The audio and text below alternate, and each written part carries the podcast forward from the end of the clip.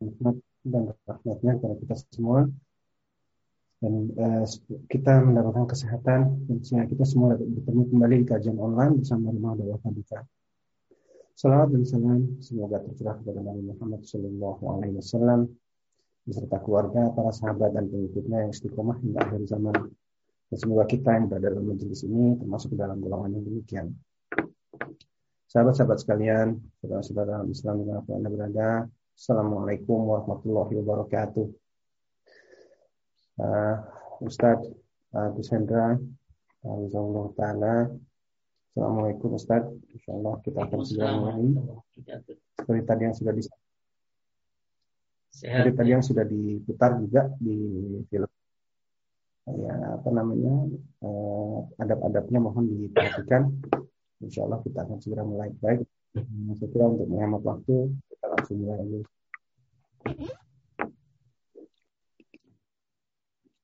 Bismillahirrahmanirrahim. Assalamualaikum warahmatullahi wabarakatuh. Alhamdulillah nahmaduhu wa nasta'inuhu wa nastaghfiruh wa na'udzu billahi min syururi anfusina min sayyiati a'malina. May yahdihillahu fala mudilla lahu wa may yudlil fala hadiya lahu. Asyhadu an la ilaha illallah wahdahu la syarika wa asyhadu anna Muhammadan 'abduhu wa rasuluh. Allahumma salli wa sallim ala nabiyyina Muhammad wa ala alihi wa sahbihi wa man tabi'ahum bi ihsani ila yaumiddin. Alhamdulillah Bapak Ibu semuanya jumpa lagi kita dalam kajian Paduka dalam edisi Syarah Kitab Tauhid bab 6. Semoga Bapak Ibu semuanya dimudahkan untuk memahami tentang tauhid, dimudahkan untuk mengamalkan tauhid dan semoga dimudahkan oleh Allah untuk diampuni dosa-dosanya dengan sebab tauhid dan semoga kita berkumpul di surga nanti insya Allah. Buat para pengurus kajian paduka, mudah-mudahan ini jadi amal soleh. Baik, kita lanjutkan ke sampai ke bab 6 ya Kang ya. Ya, bab 6 ya. Ya, bab 6. Ya, terakhir kita sudah bahas bab 5 tentang berdakwah pada kalimat tauhid. Nah sekarang kita akan bahas tentang penjelasan tauhid dan syahadat la ilaha illallah. Saya akan share screen.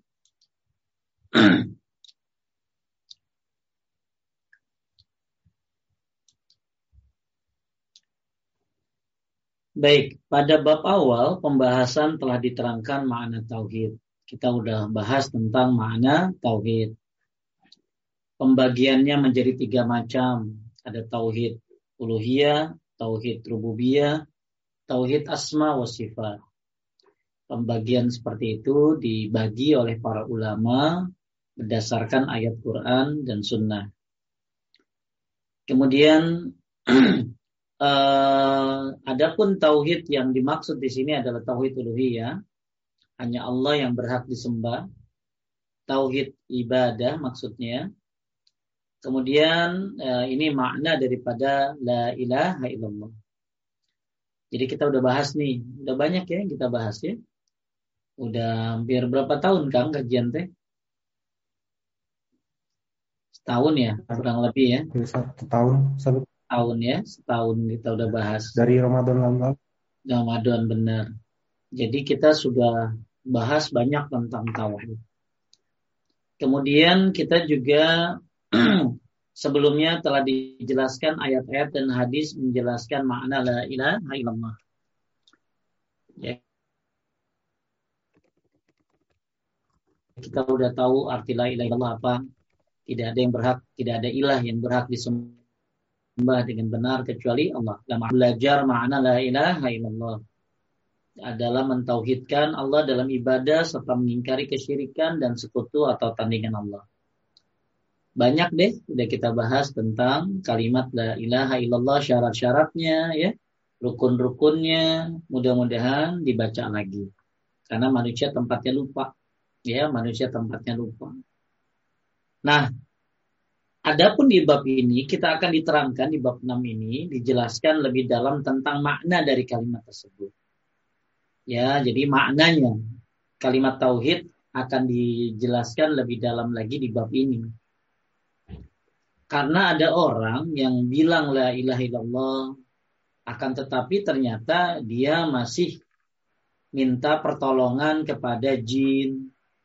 Ada orang yang minta tolong kepada orang yang mati. Ya, satu sisi dia mengatakan la ilaha illallah. Tapi sayang ternyata dia masih kurang paham makna la ilaha illallah ini. Ya. Makanya di sini eh, ayat-ayat yang akan dibawakan pada bab ini dalamnya terdapat tambahan keterangan khususnya tentang makna dan kandungan kalimat tauhid. Baik kita lihat ayat yang pertama surat Al-Isra ayat 57. A'udzu billahi minasyaitonir rajim.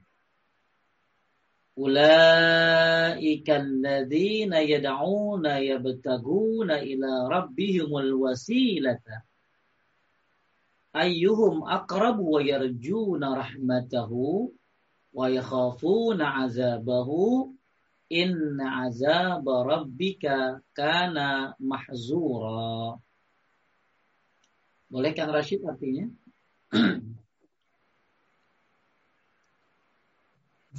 Eh, orang-orang yang mereka seru itu, mereka sendiri mencari jalan kepada Rob mereka.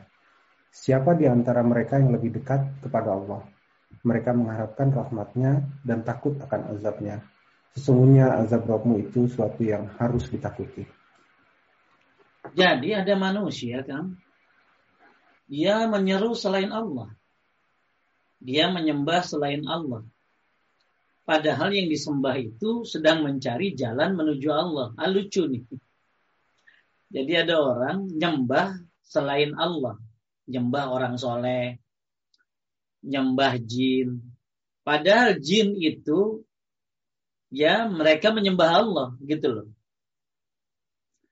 Jadi uh, memang ada manusia-manusia seperti ini ya. Uh, makanya disebutkan di surat Al-Jin wa annahu kana rijalun minal insi ya'uduna bi minal jinni fazaduhu fazaduhum rahaqa. Ada orang laki-laki yang apa meminta pertolongan kepada bangsa jin ya, ya, maka bangsa jin itu akan menambah kesesatan pada mereka. Jadi ini kita akan bercerita tentang manusia-manusia yang menyembah selain Allah, padahal yang disembah sedang menuju Allah.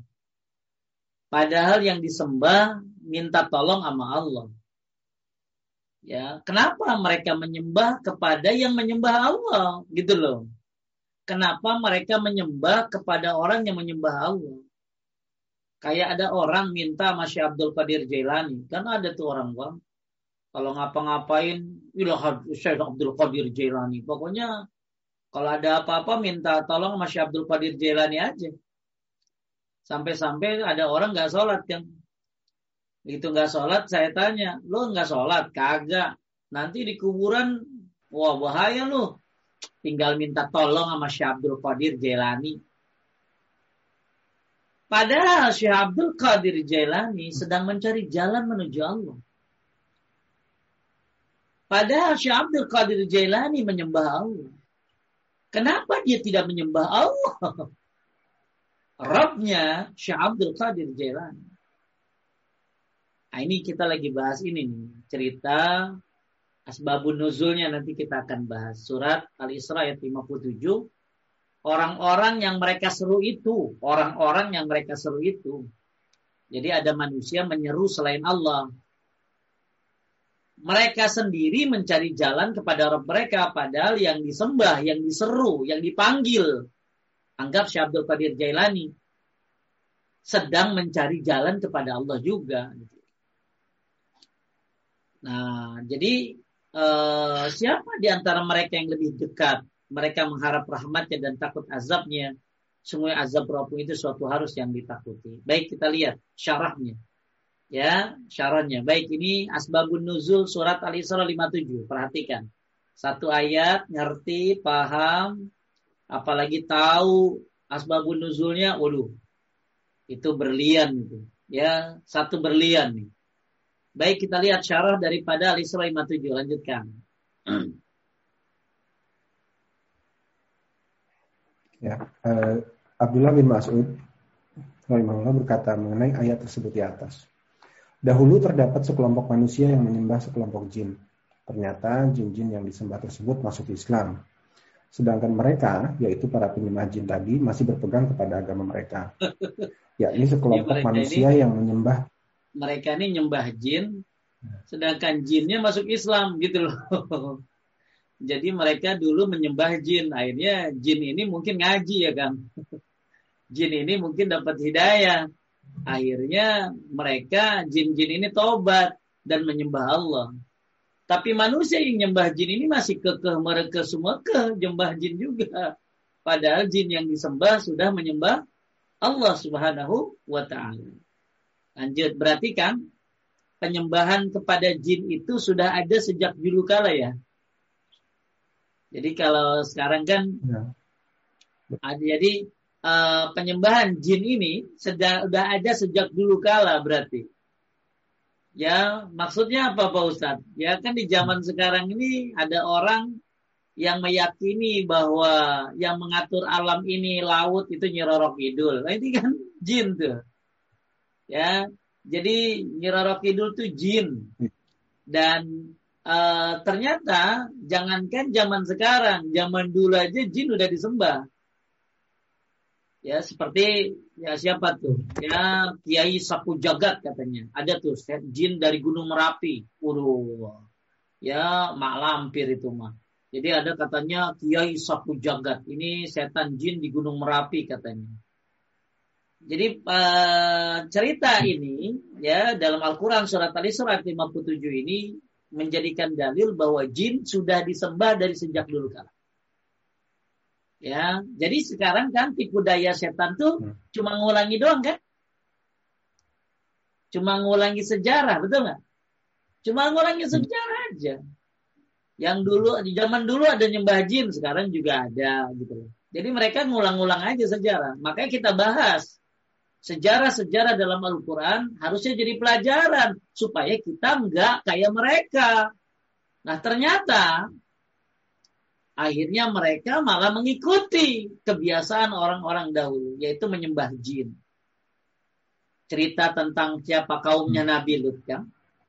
Ya kan udah Allah hancurkan tuh. Eh sekarang pada ngikutin lagi seperti itu. Jadi Bapak Ibu sekalian menaikkan Allah, ayat ini menjelaskan bahwa penyembahan terhadap jin sudah ada sejak zaman dulu kala. Nah, pertanyaannya, kenapa para jin itu masih disembah? Apa sih penyebab para setan jin itu masih disembah sampai sekarang? Padahal di antara jin-jin yang sudah disembah ini sudah masuk Islam. Pertanyaannya, kenapa para setan jin itu masih disembah? Karena setan ini memberikan pelayanan kan, membantu mereka. Jadi banyak orang nyembah jin, kenapa? Karena ada timbal balik kan. Ada pelayanan dari bangsa jin untuk penyembahnya. Contoh, dukun, siapa yang bantu? Ya kan? Siapa yang bantu dia? Ya, tentunya setan. Maka hati-hati ya banyak usduk, ustad dukun ya ngaku-ngaku katanya ngelihat malaikat padahal jin yang menyamar. Hati-hati nih. Makanya dalam Al-Qur'an Allah Subhanahu wa taala berfirman di surat Al-A'raf 27 Kang. Kalau bisa ditampilkan Ya Bani Adam. Al-A'raf ya. La yaf Al-A'raf 27. Ya Bani Adam لا يفتننكم الشيطان كما أخرج أبويكم من الجنة ينزع عنهما لباسهما ليريهما سوآتهما. إنه يراكم هو وقابله من حيث لا ترونهم إنا جعلنا الشياطين أولياء للذين لا يؤمنون. Wahai anak cucu Adam. Surat Al-A'raf ayat 27. Janganlah sampai kamu tertipu oleh setan. Sebagaimana halnya dia setan telah mengeluarkan ibu bapakmu dari surga. Jadi ngeluarin Adam dari surga itu setan. Dengan menanggalkan pakaian keduanya untuk memperlihatkan aurat keduanya. Jadi Adam kan pakai baju dari surga. Kemudian setelah makan buah kholdi, lepas pakaian keduanya.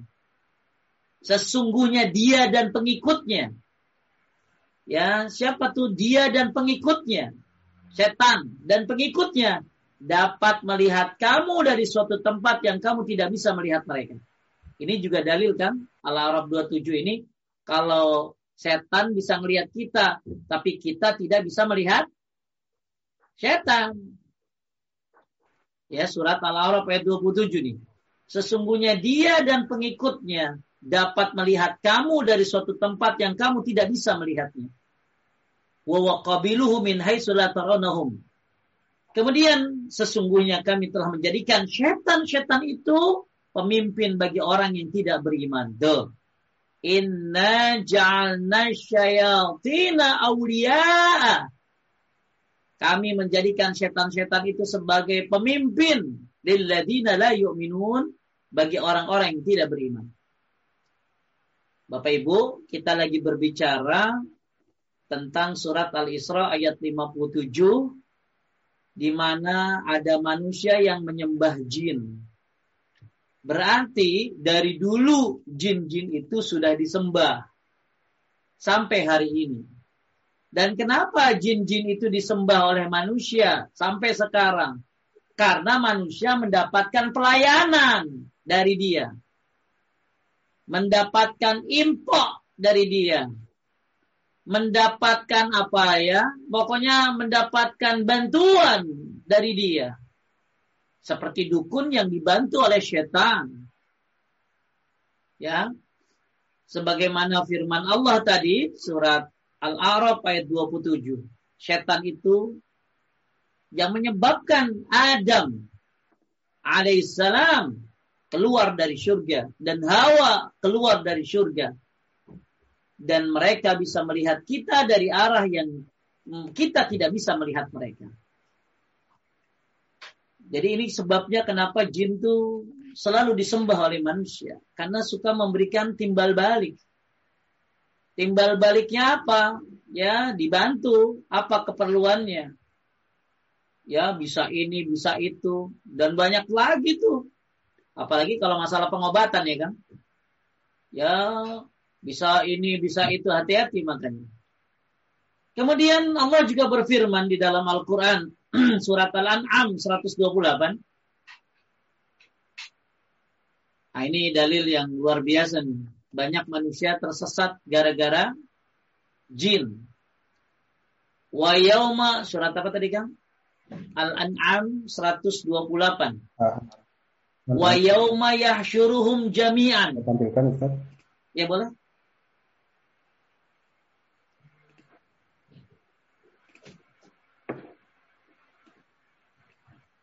Oke. Okay.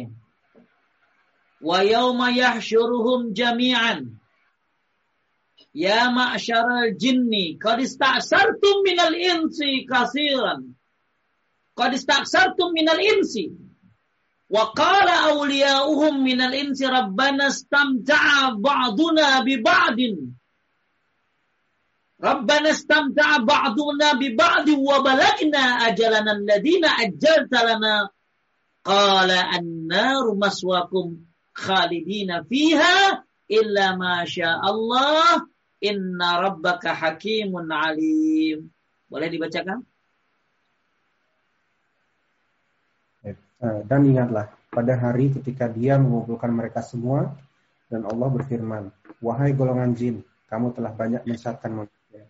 Dan kawan-kawan mereka dari golongan dan kawan-kawan mereka dari golongan manusia berkata, Ya Tuhan, kami telah saling mendapatkan kesenangan, dan sekarang waktu yang telah engkau tentukan buat kami telah datang. Allah berfirman, nerakalah tempat kamu selama-lamanya, kecuali jika Allah menghendaki lain. Sungguh Tuhanmu maha bijaksana dan maha mengetahui. Baik, coba jamaah lihat artinya.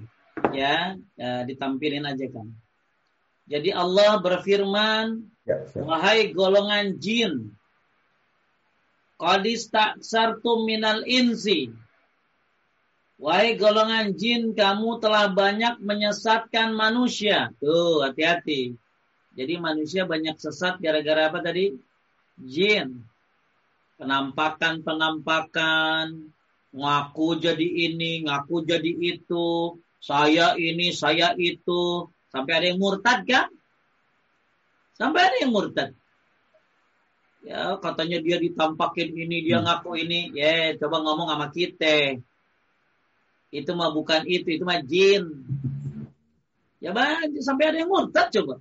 Ceritanya dia habis tahajud, terus melihat wajah ganteng banget, katanya datengin dia. Nyuruh dia murtad. Lah, itu mah pasti jin atuh.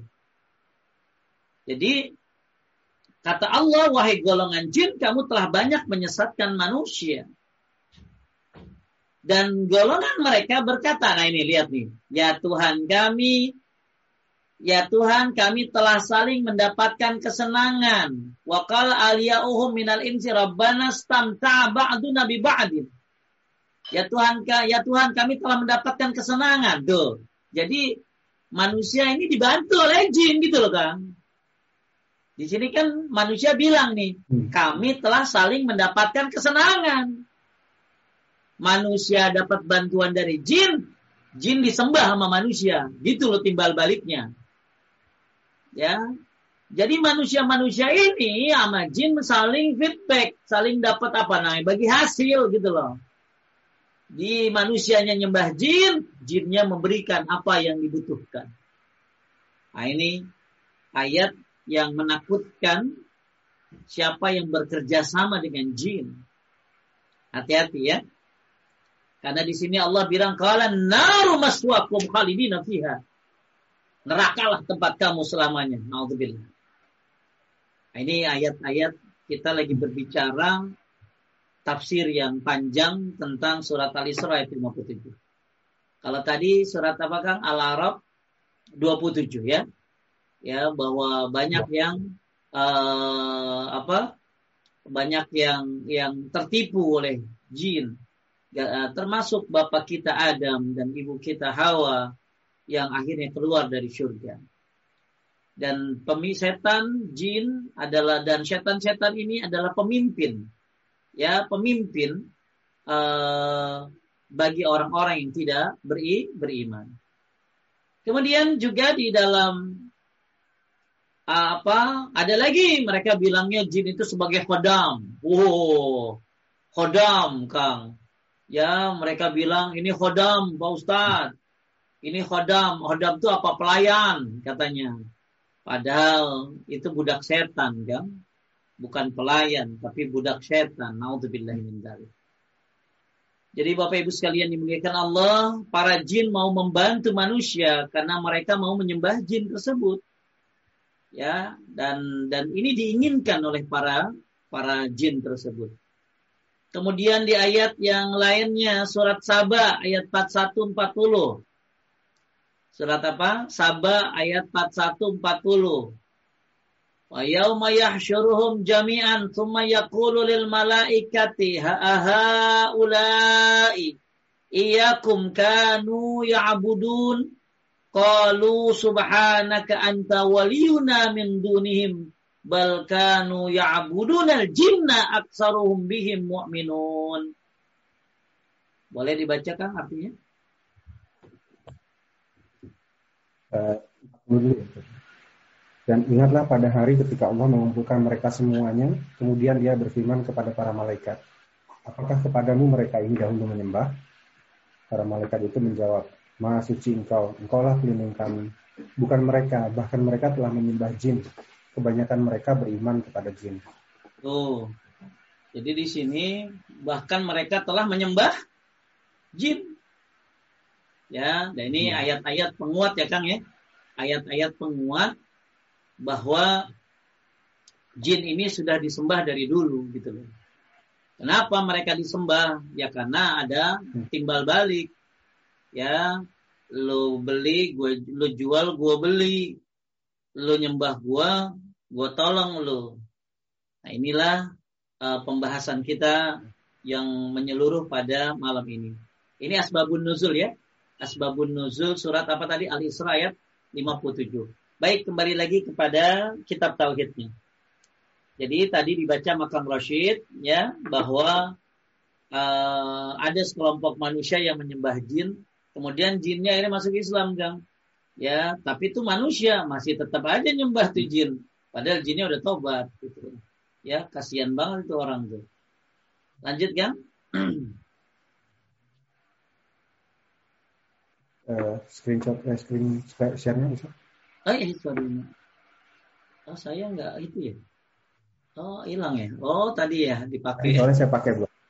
sorry, sorry. Baik. Ya, ini sekelompok manusia, lanjutkan. Ya, ini sekelompok manusia yang menyembah para jin masih tetap beribadah kepada jin-jin tersebut. Sedangkan jin-jin yang disembah tersebut tidak meridhoi penyembahan atas diri mereka karena mereka sudah masuk Islam dan mereka mencari jalan untuk dekat kepada Rob mereka. Jadi jin aja ngerti Kang, kalau udah masuk Islam, dari... jadi jin itu ngerti. Kalau udah masuk Islam nggak boleh disembah gitu Ya, jin aja ngerti ya, harusnya manusia lebih ngerti dong. Jadi jin-jin ini nggak mau disembah lagi dia, karena udah pada masuk Islam. Ya, udah ikut kajian paduka, akhirnya masuk Islam, Akhirnya mereka nggak mau deh, nggak mau disembah lagi. Insya Allah nih, jin-jin soleh, jin-jin yang bertobat kepada Allah, maka mereka nggak mau disembah lagi. Nah, tapi ada manusia yang ridho kang disembah kang. ada manusia yang ridho disembah, seneng kalau disembah. Nah, ini kan lebih parah jadinya tuh. Jadi jin sadar ya. bahwa dimasuk Islam, Berarti gua nggak boleh disembah lagi. Yang boleh disembah hanya Allah. Tapi ada manusia yang senang disembah gitu loh. Ya, ada manusia yang senang banget di, diberlebih-lebihkan. Padahal sebenarnya nggak boleh berlebih-lebihan kepada manu, manusia. Padahal nggak boleh ya minta kepada manusia. Dibiarin aja ya kesalahan ya kesalahan anak-anak buahnya. Ya. Nah, ini kalau ulama-ulama yang belajar tauhid kan jangankan masalah itu cium tangan aja dia kagak mau kadang-kadang. Ya, coba akan deketin Ustaz siapa yang ya Pak Ustaz Piranda coba cium tangannya kagak mau kali. ya. Ya. Kenapa? Ya takut gitu loh. Takut ya karena banyak orang-orang soleh disembah gara-gara berlebih-lebihan. Makanya kita tidak bisa membiarkan orang yang berlebih-lebihan kepada manusia. Lanjutkan, diriwayatkan. Diriwayatkan dari Abdullah bin Abbas radhiyallahu anhu bahwa ia berkata mengenai ayat di atas. Dahulu orang-orang musyrikin mengatakan, kami beribadah kepada para malaikat, Nabi Isa al-Masih, dan kepada Uzair. Mereka itulah yang diseru atau diibadahi oleh orang-orang musyrik tersebut. Jadi ada dua pendapat, ada dua tafsir. Tafsir yang pertama dari surat Al-Isra ayat 57 ini bahwa yang disembah itu bukan hanya jin, tapi yang disembah ini adalah para malaikat. Jadi para malaikat itu disembah sama manusia-manusia nih. Ada juga yang manusia yang menyembah Isa alaihissalam. Ya, atau Nabi Uzair. Jadi kalau yang menyembah Isa itu kan Nasrani. Kalau yang menyembah Uzair itu Yahudi, Nabi Uzair nih. Mereka inilah yang diibadai oleh orang musyrik tersebut. Ini ada tafsir yang menyebutkan pertama ini. Ya. Jadi siapa sih yang disembah oleh manusia itu gitu loh. Oh, maksudnya yang disembah itu malaikat, yang disembah itu uh, Isa sama Uzair.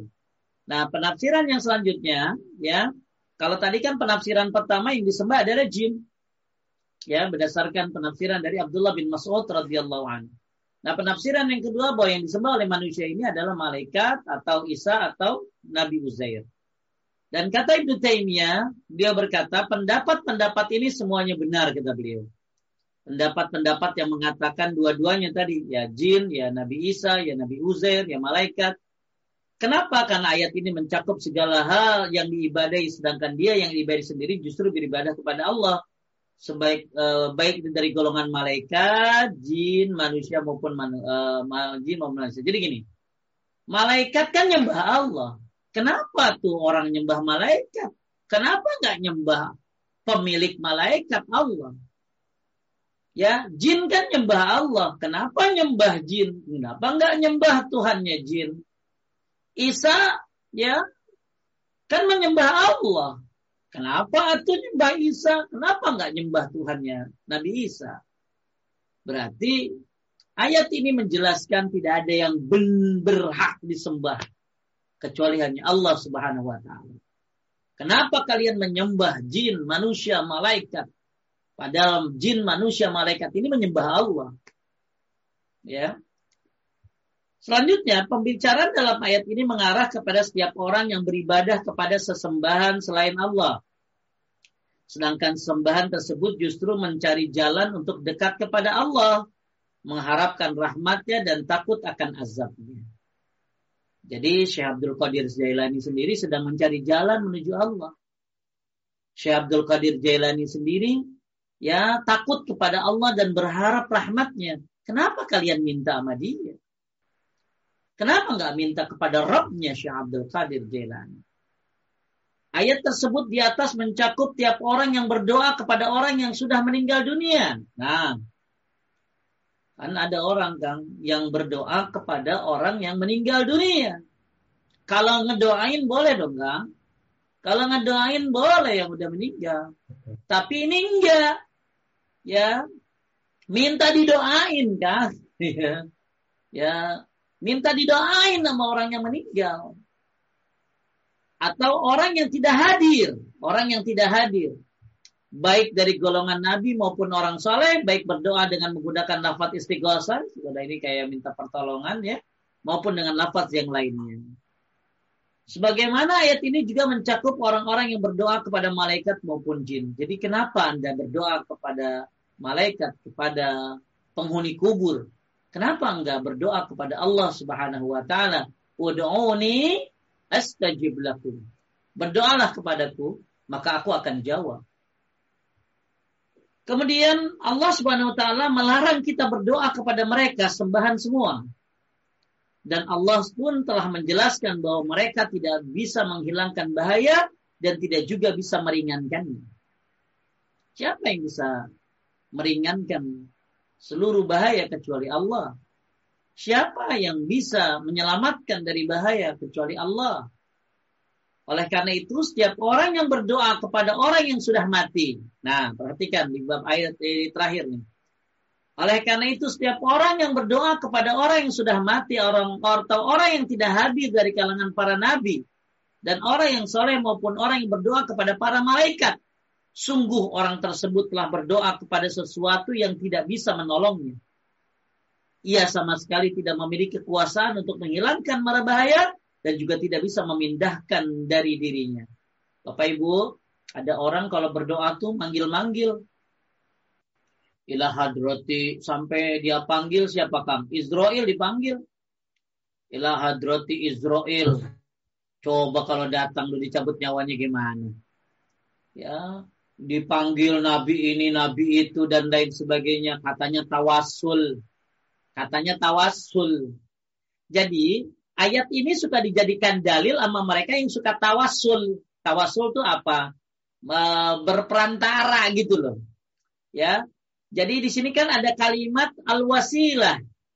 Ulaika alladziina yad'una yabtaguna ila rabbihumul wasilah. Orang-orang yang mereka seru itu mereka sendiri mencari jalan kepada Rabb mereka. Jadi ini dijadikan dalil sama mereka kita kalau ibadah tawasul. Dia nggak ngerti nih asbabun nuzulnya apa di sini. Jadi ayat ini bercerita bahwa jin-jin atau malaikat-malaikat, nabi-nabi yang disembah oleh manusia, sebenarnya mereka sedang menyembah Allah Subhanahu wa taala dan sedang mencari jalan menuju Allah dan sedang berharap kepada Allah. Berarti tidak ada yang pantas disembah kecuali hanya Allah Subhanahu wa taala, Tuhannya malaikat, Tuhannya jin dan Tuhannya manusia ya ini uh, dijadikan uh, jadi tawasul itu boleh tapi ada macam-macam tawasul itu coba ya jadi ada orang menjadikan ini surat al isra ayat 57 ini sebagai dalil bolehnya tawasul boleh tawasul ya mencari jalan itu boleh tapi jalan yang kayak apa Baik di sini ada beberapa model tawassul. Kelihatan kan? Pengertian ya, tawassul.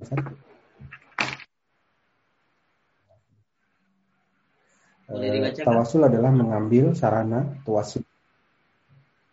Eh, tawasul adalah mengambil sarana tawasilah agar doa atau ibadahnya dapat lebih diterima dan dikabulkan. Ini arti apa tadi? Tawasul. Tawasilah menurut Jadi bahasa tawasul itu apa tadi? Ngambil sarana agar doa atau ibadahnya diterima dan dikabulkan. Oke, Al-wasilah menurut bahasa berarti segala hal yang dapat menyampaikan dekatkan kepada sesuatu. Sedangkan menurut istilah syariat, al-wasilah ya, al-wasilah ya. Menurut istilah syariat, al-wasilah yang diperintahkan dalam Al-Qur'an adalah segala hal yang dapat mendekatkan seseorang kepada Allah taala yaitu berupa amal ketaatan yang disyariatkan. Jadi kalau tawasul itu bukan ilah hadroti, ilah hadroti, ilah hadroti, manggil anu, manggil nabi anu, manggil malaikat anu, manggil uh, apa jin anu dan lain sebagainya. Jadi yang disebut dengan tawasul, jika saya kuningin di sini kelihatan kan, segala hal yang dapat mendekatkan seseorang kepada Allah Ta'ala, yaitu berupa amal ketaatan yang disyariatkan. Itu namanya tawasul. Contoh, Akang sholat, tawasul bukan? Tawasul. Ya, akang puasa, tawasul enggak? Tawasul. Anda berbakti sama orang tua, tawasul enggak? Tawasul, itu namanya wasilah. Jalan. Tapi jalan mendekatkan seseorang kepada Allah berupa amal ketaatan yang disyariatkan. Jadi ada yang salah paham. Oh, kalau tawasul itu begini. Jadi kalau mau doa manggil siapa aja gitu tuh. Ya biasanya pakai kalimat ilah hadroti, ilah hadroti dipanggilin semuanya tuh. Padahal syarat berdoa apa sih Kang? Coba Kang Rashid, syarat berdoa apa sih? Ngangkat tangan. Oke. Okay. Ya kalau mau berwudu dulu. Madep kiblat. Ngangkat tangan. Baca apa lagi Kang? Hamdalah baca hamdalah, baca so, lawat. Ya, kemudian minta ampun nama Allah. Berdoa yang penting-penting hidayah dan lain-lain. Baru doa apa aja terserah. Tutup lagi dengan sholawat. Simple. Berdoa tuh ya begitu. Nah, ini mau berdoa, manggil siapa aja. Kan nyari jalan Pak Ustadz. Nyari jalan. Lewat jalan siapa? Lewat jalan menurut mereka. Bukan jalannya yang diajarkan oleh Nabi Shallallahu Alaihi Wasallam.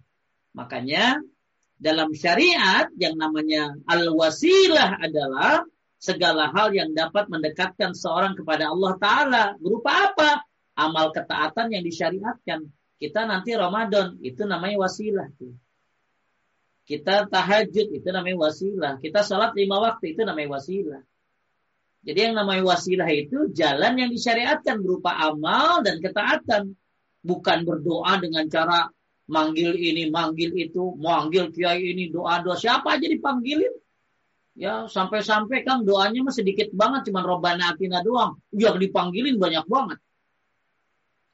Nah, ya jadi, nah ini ada ayatnya ada lagi surat Al-Maidah ayat 35. Ya ayyuhalladzina amanu wa batagu ilaihi alwasilata wajahidu fi sabilihi la'allakum tuflihun. Wahai orang yang beriman bertakwalah kepada Allah dan carilah wasilah, carilah jalan. Ayo cari jalan untuk mendekatkan diri kepadanya dan berjihadlah di jalannya agar kamu beruntung. Mengenai ayat di atas, Ibnu Abbas radhiyallahu anh berkata, makna wasilah dalam ayat tersebut adalah al-qurbah. Peribadatan yang dapat mendekatkan diri kepada Allah. Jadi kalau Bapak Ibu mau berwasilah, mau bertawassul, maka caranya adalah dengan cara melakukan ketaatan-ketaatan yang disyariatkan. Ya, dengan cara apa? Dengan cara peribadatan mendekatkan diri kepada Allah yang disyariatkan. Ya, ini menurut Ibnu Abbas radhiyallahu an. Kemudian juga kata kota ada mendekatkan kepada Allah dengan mentaatinya, mengerjakan amalan yang diridhoinya. Ini namanya wasilah. Ya, mendekatkan diri kepada Allah, mentaatinya, mengerjakan amalan yang diridhoinya. Ini namanya wasilah. Sebagaimana dalam tafsir Ibnu Jarir dan tafsir Ibnu Kasir. Makanya tawasul macam-macam itu. Ada tawasul sunnah, Ya, gimana tawasul sunnah Pak Ustadz? Bertawasul dengan menyebut Asma'ul Husna yang sesuai dengan hajat ketika berdoa. Nah, ini kalau mau tawasul kan pakai Asma'ul Husna. Ya, jadi Bapak Ibu, kalau Anda pengen wasilah, mencari jalan, maka carilah jalan dengan cara melakukan amal perbuatan yang disyariatkan, melakukan ketaatan yang disyariatkan. Itu namanya cari jalan. Tapi mencari jalan dengan cara manggil-manggil orang mati itu bukan jadi jalan. Itu kurang kerjaan. Ya, orang mati didoakan saja. Orang mati didoakan, usah dipanggil. Nah kalau datang emang yakin itu yang datang dia. Ya, kan manusia kalau udah mati berada dalam genggaman Allah. Allah yatawaffal anfusina mautiya wallati lam tamut fi manamiha fayumsiku alladhi qada 'ala al-maut wa yursilu al-ukhra ila ajalin musamma. Orang kalau mati berada dalam genggaman Allah. Jadi uh, kita melebar kepada masalah tawassul ini. Ya, jadi tawassul atau mencari jalan itu bukan mencari jalan lewat jin. Mencari jalan lewat orang-orang yang sudah mati. Minta pertolongan mereka. Mencari jalan dengan cara-cara menyembah kepada selain Allah. Meminta kepada selain Allah. Itu bukan cari jalan itu cari susah namanya. Tapi yang disebut mencari jalan atau al-wasilah adalah dengan cara melakukan ketaatan-ketaatan yang disyariatkan. Apa contohnya? Ya, yang disebut dengan jalan yang sunnah, tawasul yang sunnah. Nah, ini tawasul nih. Kalau akan mau bertawasul dengan asmaul husna. Contohnya apa Kang? Ya hayu ya qayyum birah matika astagis aslih li sya'ani kullahu ya dan seterusnya. Dan berdasarkan surat Al-A'raf ayat 180. Tuh mencari jalan bertawasul dengan menyebut Asmaul Husna. Jadi Asmaul Husna itu bagus kan dipakai buat tawasul, mencari jalan. Ya misalnya kita banyak dosa, bilangnya apa Kang? Ya Ghaffar, ampunilah dosaku. Kita pengen banget dapat rizki, ya Razak, mudahkanlah rizkiku. Nah, itu tawasul namanya tuh bukan manggil ya Syekh Salman, ya Syekh Anu, Syekh Anu, Syekh Anu, bukan. Ya, yang Anda panggil harusnya Allah Asmaul Husna. Bukan Anda manggil Syekh Anu yang sudah mati. Bukan Anda manggil Jin Anu yang entah siapa. Bukan Anda manggil orang-orang yang sudah mati. Kalau mau tawasul dengan cara tawasul dengan Asmaul Husna.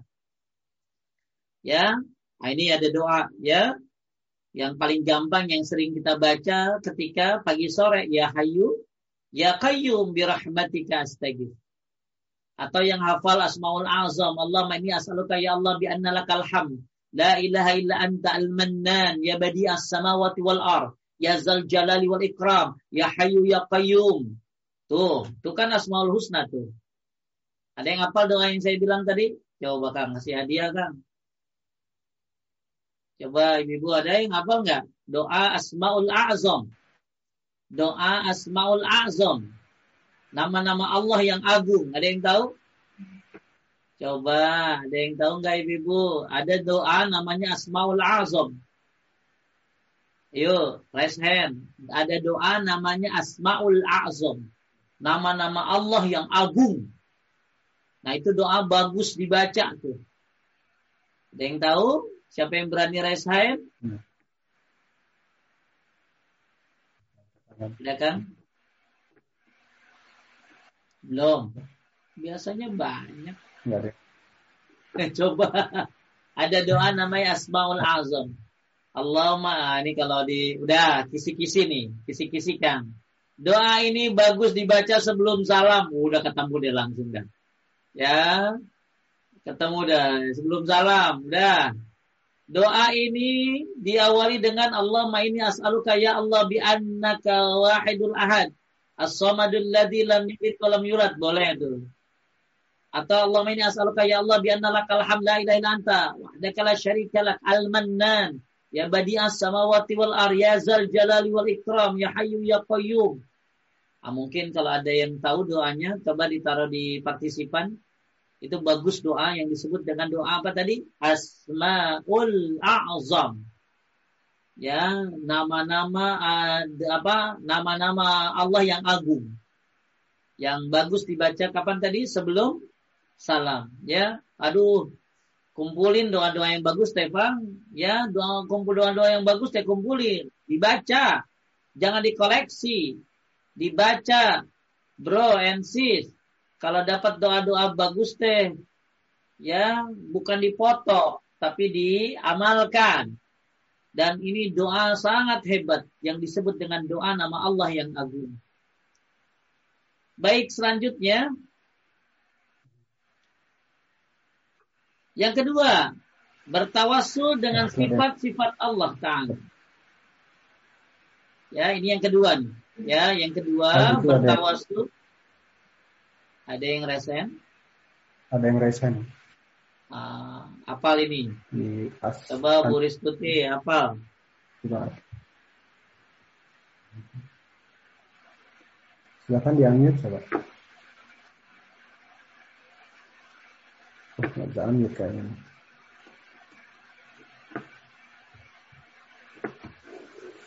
Ya udah, kita lewat. Unmute dulu Ibu.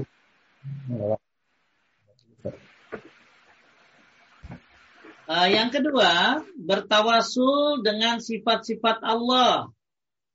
Ya. Uh, kalau tadi kan tawasul dengan apa tadi? Asmaul Husna ya Gofar, ya ya Razak, ya, yang sesuai dengan kebutuhan kita apa, ya. Nah sekarang yang tadi ini sudah termasuk bertawasul dengan sifat Allah seperti ya Hayu ya Qayyum tadi udah. Kemudian yang ketiga bertawasul dengan amal soleh. Ingat yang Rashid yang tiga orang di dalam goa ya. Tiga orang yang di dalam goa yang kemudian mereka bertawasul dengan amal soleh mereka sehingga akhirnya goanya terbuka. Jadi boleh ya bertawasul ya Allah dengan ya. baktiku kepada orang tua, mudahkanlah urusanku, nggak apa-apa. Yang penting mintanya sama Allah. Cuman kalau bisa kan amal yang ditawasulin ini udah lama gitu loh, udah benar dikerjain. Baru kemarin ngasih duren sama orang tua ya, udah udah langsung ya Allah saya kan ngasih duren, dah ya udah lama kalau bisa udah jadi kebia kebiasaan. Jadi Bapak Ibu mungkin pernah dengar tiga orang yang masuk gua, ya. Tiga orang ini kemudian datang batu yang akhirnya ketutup. Lalu mereka bertawasul dengan amal-amal mereka. Yang satu bilang saya punya orang tua, ya pokoknya berbakti lah, ini terbuka tuh. Yang kedua bilang saya punya apa ini terbuka, ini ketiga juga sampai terbuka ini. Ya maka boleh ya bertawasul dengan amal soleh. Anda sendiri Jangan amal soleh orang lain. Amal soleh Syekh Abdul Qadir Jailani di aku-aku. Amal yang kerjain Anda, bukan dikerjain orang. Kemudian tawasul dengan meminta doanya orang soleh yang masih hidup. Nah boleh nih. Tawasul dengan amal orang soleh yang masih hidup. Misalnya punya siapa, punya kakek yang soleh, orang tauhidnya bagus, ibadahnya bagus, wah tahajudnya rajin, hatam Qurannya sering, Ah, minta doa dah sama orang soleh yang masih hidup. Nah, ini tawasul yang keempat. Ya. Kemudian bertawasul dengan keimanan. Sebagaimana Ali Imran 193. Rabbana innana sami'na munadiyan. Munadiyan yunadi lil imani an aminu birohmikum fa'amanna. Rabbana fakfir lana zunubana wa kafir anna sayyatina wa tawaffana mal abrar. Nah, ini tawasul dengan keimanan nih ya kemudian bertawasul dengan tauhidan kepada Allah banyak ya ya uh, kemudian nah ya tawasul tawasul bid'ah. Seperti apa tawasul bid'ah? Kalau tadi tawasul tawasul yang bersifat sunnah. Tawasul bid'ah kayak apa tawasul bid'ah? Tawasul dengan kedudukan Nabi Shallallahu Alaihi Wasallam atau kedudukan orang selain beliau. Ya. Kemudian Kedua, tawasul dengan cara menyebutkan nama atau kemuliaan orang soleh ketika berdoa kepada Allah Ta'ala. Ya, misalnya, contoh, ya Allah, aku memohon kepadamu dengan kemuliaan Syekh Abdul Qadir Jailani, ampunilah aku. Lah, ngapain lewat Syekh Abdul Qadir Jailani? Ya, ya Allah, aku mohon padamu dengan kemuliaan Syekh Abdul Qadir, ampunilah aku. Lebih baik kamu minta doa sama ibu kamu berdoa, mah doain biar saya diampunin. Nah, kayak gitu yang bagus tuh. Atau Anda berdoa sendiri, atau Anda sedekah. Bilang ya Allah dengan sedekah ini ya Allah bebaskan aku dari api neraka. Ah, bagusan begitu. Kemudian ketiga tawasul dengan cara beribadah kepada Allah di sisi kubur orang soleh. Ini banyak lagi nih. Mereka duduk di kuburan orang soleh, kemudian mereka bertawasul dengan orang soleh yang sudah meninggal ini. Ini termasuk bid'ah yang diada-adakan bahkan merupakan perantara menuju kesyirikan. Ini awalnya bid'ah, kan? Lama-lama jadi syirik. Kemudian tawasul syirik. Apa contoh tawasul syirik? Menjadikan orang yang sudah meninggal sebagai perantara dalam beribadah seperti berdoa kepada mereka. Minta hajat, memohon pertolongan kepada mereka. Contoh, ya Sayyid Al-Badawi, mohonlah kepada Allah untuk kami. Gak boleh begini. Ya, perbuatan ini merupakan syirik akbar dan dosa besar yang paling besar meskipun mereka menamakan dengan tawasul hukum syirik ini dilihat dari hakikat yaitu berdoa kepada selain Allah. Ya. Jadi ada tawasul yang bersifat sunnah, ada tawasul yang bersifat bid'ah dan ada tawasul yang bersifat syirik. Maka hati-hati bertawasul dengan yang bid'ah dan yang syirik. Jadi bertawasullah dengan cara yang sunnah. Gimana tawasul dengan cara yang sunnah Pak Ustadz? Tadi tawasul dengan membaca Asmaul Husna. Tawasul dengan cara membaca sifat-sifat Allah. Seperti yang tadi ya Hayu ya Qayyum. Birahmatika. Kemudian bertawasul dengan amal soleh diri kita ya Allah. Dengan bacaan Al-Quranku Bebaskan aku dari neraka, ya Allah, dengan bacaan Al-Quranku. Jangan sembuhkan penyakit hatiku. Ah, itu tawasul dengan amal soleh sendiri. Kemudian tawasul dengan minta doa orang soleh yang masih hidup. Ya, yang kelima, tawasul dengan keimanan. Yang keenam, tawasul dengan ketauhidan kepada Allah. Ah, ini tawasul-tawasul yang bersifat sunnah maka hendaklah kita mengetahui tawasul ini. Baik, Bapak Ibu, kita kembali lagi kepada kitabnya. Jadi surat Al-Isra ayat 57 ini dijadikan dalil oleh orang-orang yang suka bertawasul dengan tawasul yang bid'ah dan tawasul yang syirik. Mereka nggak ngerti namanya wasilah. Wasilah ini harusnya nyari jalan ya nyari jalan dengan cara apa beribadah dan beramal melakukan ketaatan sesuai yang disyariatkan. Bukan dengan wasilah kepada orang-orang yang sudah mati. Kalau mau melakukan wasilah tawassul ya yaitu dengan cara yang tadi sudah disebutkan ya. Baik Bapak Ibu sekalian yang dimuliakan oleh Allah Subhanahu wa taala intinya siapa pun dia malaikat nabi, orang soleh, jin, mereka tidak layak disembah. Karena mereka semuanya sedang mencari jalan menuju Allah subhanahu wa ta'ala. Maka kenapa Anda nggak menyembah Tuhan mereka? Tuhan yang mengabulkan permintaan mereka. Kenapa Anda meminta kepada mereka? Baik kita bahas faedah. Lanjutkan. Ya. Faedah yang pertama, bantahan terhadap orang-orang yang berdoa kepada para wali dan orang-orang soleh untuk menghilangkan mara bahaya atau untuk mendatangkan manfaat. Sebab mereka sendiri tidak mampu untuk menolak bahaya atau mendatangkan manfaat bagi diri sendiri. Lalu bagaimana mungkin mereka mampu untuk orang lain? Ya, orang mereka di kuburannya susah kan? Ya, di kuburan kan susah kan? Sampai-sampai ada sebuah perkataan dari salafus saleh nanti ketika orang pada hari kiamat ada orang yang dari kecil soleh sampai tua soleh. Dari kecil soleh ya. Sampai tuanya soleh. Tapi begitu nanti hari kiamat mereka merasa amalnya sedikit sekali. Padahal dari kecil sampai tua soleh pun. Abu Hurairah, sahabat Nabi, sebelum meninggal dia nangis. Kenapa dia nangis Pak Ustaz? Dia bilang perjalanan terlalu jauh sedangkan bekalku sedikit. Itu Abu Hurairah. Dan banyak ulama-ulama yang menangis sebelum meninggalnya karena merasa amalnya kurang. Maka mudah-mudahan Ramadan ini kita bisa memaksimalkan diri untuk beramal lebih baik, lebih baik dan lebih baik daripada sebelumnya. Karena orang-orang soleh saja mereka merasa kurang ketika nanti di alam kubur. Kalau dikasih kesempatan kata Ibnul Jauzi, demi Allah kalau itu orang-orang yang ada di kuburan boleh berharap, maka mereka akan berharap berjumpa dengan Ramadan. Orang-orang yang ada di kuburan itu pengen sholat karena mereka merasa kurang sholatnya. Padahal mereka sholat. Bagaimana dengan kita? Oleh karena itu, tidak ada yang bisa ya uh, kita harapkan dalam menjawab doa-doa kita agar kita diampuni dosanya, dimudahkan jalan kita menuju akhirat kecuali dengan meminta kepada Allah Subhanahu wa taala. Jangan meminta kepada para malaikat, para nabi, orang soleh ataupun jin, sedangkan mereka sendiri sedang meminta kepada Allah. Makanya mereka pun tidak mampu menghilangkan musibah, hanya Allah yang mampu menghilangkannya. Lanjut nomor dua.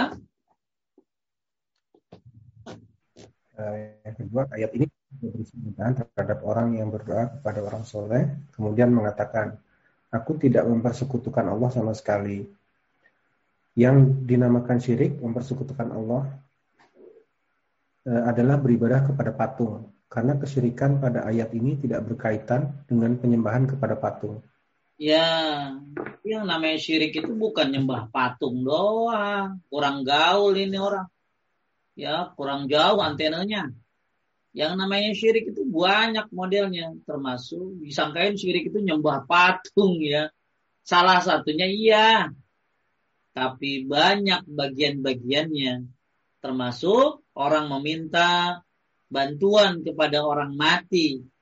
Ya, maka ini termasuk kesyirikan. Dan ini bantahan bahwa nggak boleh Anda uh, meminta doa kepada siapa pun orang-orang uh, meminta apa meminta, menyembah kepada siapa pun. Ya hanya kepada jadi lebih baik kita menyembah pemilik segalanya dan itu memang harus. Itu Allah Subhanahu wa taala. Lanjut. Tiga nomor tiga kesalehan orang-orang yang disembah bukan berarti bisa membolehkan kesyirikan dengan mereka ya kesolehan orang-orang yang disembah bukan berarti bisa membolehkan kesyirikan Ya mereka soleh kan buat diri mereka sendiri kan. Ya bukan berarti mereka soleh hanya boleh disembah. Agak unik ya. Agak unik ada orang lagi lagi sakit kan, lagi sakit di Bopong tuh kiai. Lagi sakit di Bopong di rumah sakit juga di infus nggak bisa ngapa-ngapain. Dan begitu udah meninggal kenapa jadi sakti ya? Begitu udah meninggal jadi sakti luar biasa. ya padahal dulu lagi hidup digotong-gotong tuh orang. Ya, contoh nih, waktu ada kejadian musibah ya, sebuah daerah ada musibah. Akhirnya ada yang komen, ya menurut ustadz mereka, cepat kalian ke kuburan dua kiai anu. Karena dua kiai anu adalah penjaga daerah kalian. Oh, udah mati masih jaga ronda kali. Ya, udah mati masih jaga-jaga daerah apa?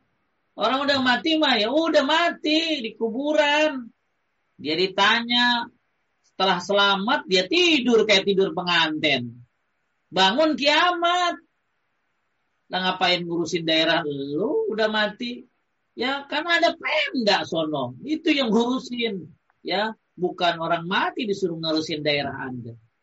Dia sendiri susah, sedang mencari jalan menuju Allah. Mereka sendiri merasa amalnya kurang. Kenapa Anda minta berdoa kepada dia? Nah ini di mana logikanya? Ya. Kemudian lanjut keempat. Ya. Nomor empat, penjelasan tentang besarnya rasa takut para nabi dan orang-orang soleh kepada Allah dan harapan mereka terhadap rahmat Allah Azza wa Jalla. Masya Allah ya. Orang-orang orang-orang soleh itu ya, para nabi, orang soleh itu takut sama Allah dan berharap rahmatnya. Maka kita juga harus lebih takut tentunya. Nabi rajin banget istighfar sehari seratus kali. Astagfirullah wa atubu Padahal Nabi nggak punya dosa kan? Gimana kita? Lebih layak lagi kita hmm. beristighfar kepada Allah. Nabi Masya Allah, sholatnya luar biasa ya. Tapi gimana dengan kita? Padahal Nabi sudah dijamin surga, diampuni dosa yang lalu dan yang akan datang. Tapi ibadahnya luar biasa. Jadi orang-orang saleh ini orang-orang yang takut kepada Allah Subhanahu wa taala. Para nabi takut kepada Allah. Sampai kan Nabi melihat Jibril lagi ketakutan. Nabi pernah waktu ke langit melihat Jibril lagi ketakutan. Jibril gedenya kayak apa? Sampai-sampai dalam kitab Sulaiman Al-Askar Jibril memiliki uh, eh, 600 sayap yang sayapnya menutupi timur dan barat. Berwarna hijau katanya disebutkan di kitab tersebut. Tapi segitu gede, bahkan Jibril kan pimpinan malaikat. Tanazzalul malaikat waruh. Ya, para malaikat itu berturun pada malam Lailatul Qadar, termasuk ar-ruh. Siapa ar-ruh? Itu malaikat Jibril tuh. Pimpinan para malaikat. Tapi ternyata Jibril sendiri ketakutan kepada Allah Subhanahu wa taala.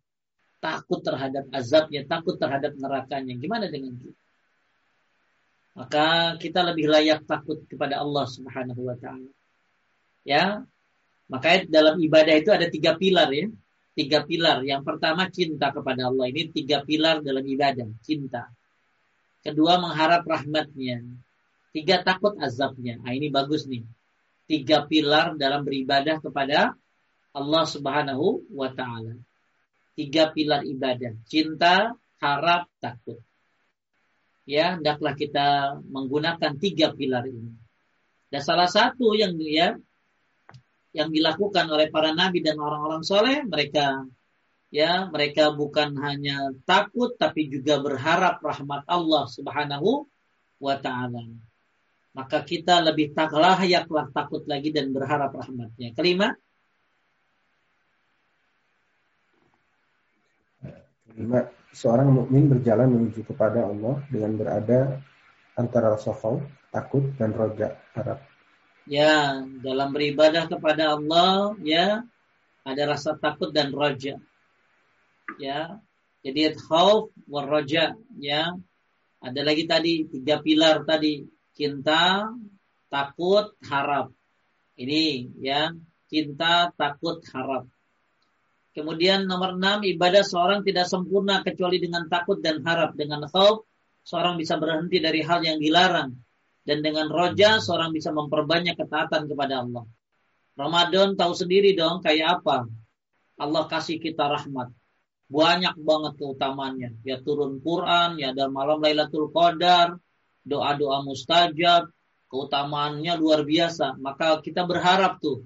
Maka Eh, dengan dengan roja seseorang bisa memperbanyak ketaatan kepada Allah. Dan dengan rasa takut dia berhenti dari apa yang dilarang oleh Allah Subhanahu wa taala. Hati-hati ninggalin sholat. Kita lihat, oh ninggalin sholat, oh gini azabnya. Jadi takut. Jadi uh, akhirnya ngerjain sholat.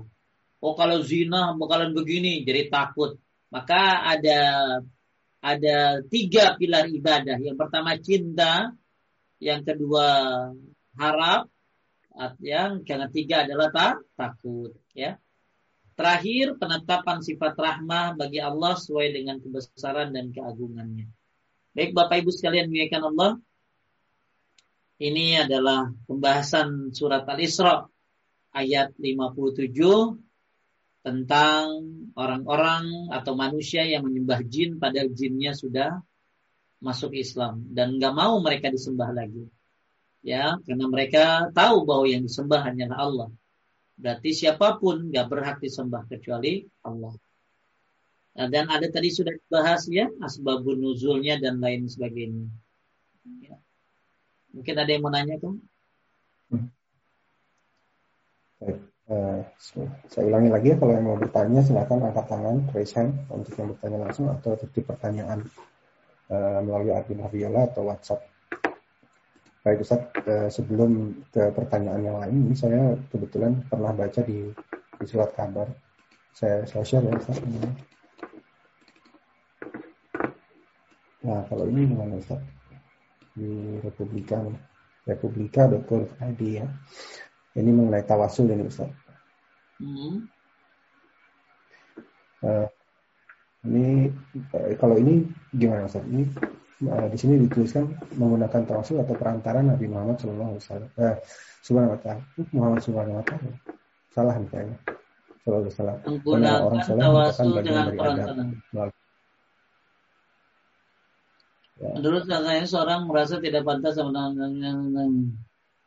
Ya Allah Subhanahu wa taala berfirman, "Ud'uni astajib lakum." Berdoalah kepada uh, kepadaku maka akan dijawab. Itu dalil bahwa kalau kita berdoa langsung aja. Ya, nggak perlu pakai apa tadi? Tawasul tawasulan. Itu dalil Al-Qur'an kan? Ud'uni hmm. astajib lakum.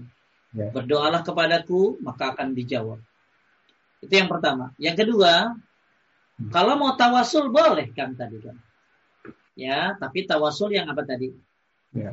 yang sunnah seperti bagaimana tawasul yang sunnah? Dengan asmaul husna. Dengan menyebutkan sifat-sifat Allah. Tawasul dengan apa tadi? Amal sol soleh ya. Tawasul dengan ya. apa tadi? Apa lagi kan tawasul dengan uh, apa? Dengan keimanan. Tawasul dengan ketauhidan ya dan uh, tawasul secara secara tadi sudah dibahas oleh ulama-ulama ahli tafsir apa makna daripada tawasul. Ya, saya bacakan satu kali lagi buat para bapak ibu sekalian apa itu yang disebut dengan tawasul. Ya, tawasul adalah mengambil sarana atau jalan ya, kemudian Eh, sedangkan menurut istilah, menurut istilah syariat yang kata Imam dalam tafsir At-Tabari, dalam tafsir Ibnu Katsir bahwa tawasul adalah segala hal yang dapat mendekatkan seorang kepada Allah taala. Pokoknya apa pun yang dapat mendekatkan kepada Allah taala. Berupa apa? Amal ketaatan yang disyariatkan. Yang disyariatkan. Nah, ini jadi kata dalam tafsir At-Tabari dalam tafsir Ibnu Katsir segala hal yang dapat mendekatkan seorang kepada Allah taala berupa amal ketaatan yang disyariatkan itu namanya tawassul. Jadi pertanyaannya, Anda tawassulnya pakai apa? Yang disyariatkan apa tidak? Seperti itu, ya.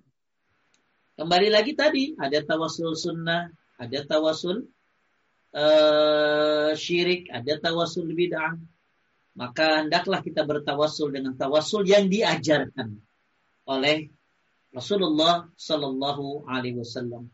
Di antaranya adalah dengan asmaul husna, ya.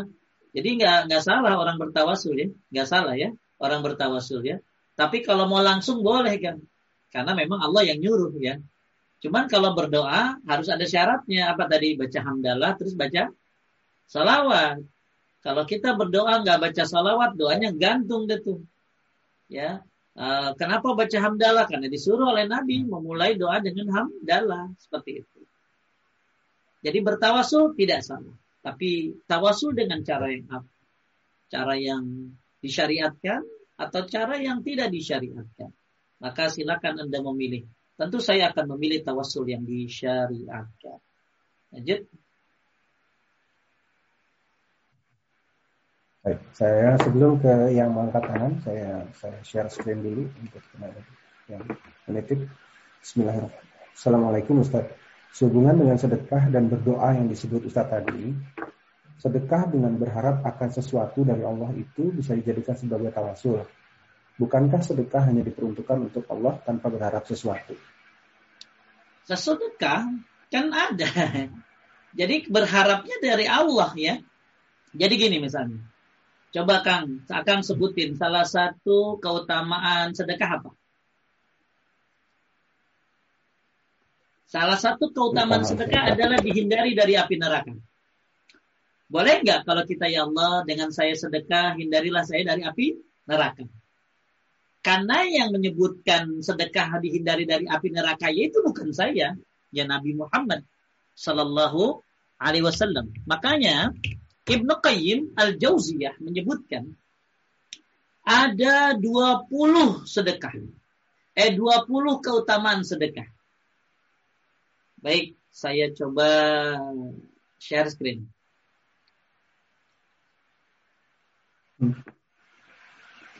Kelihatan nggak kan?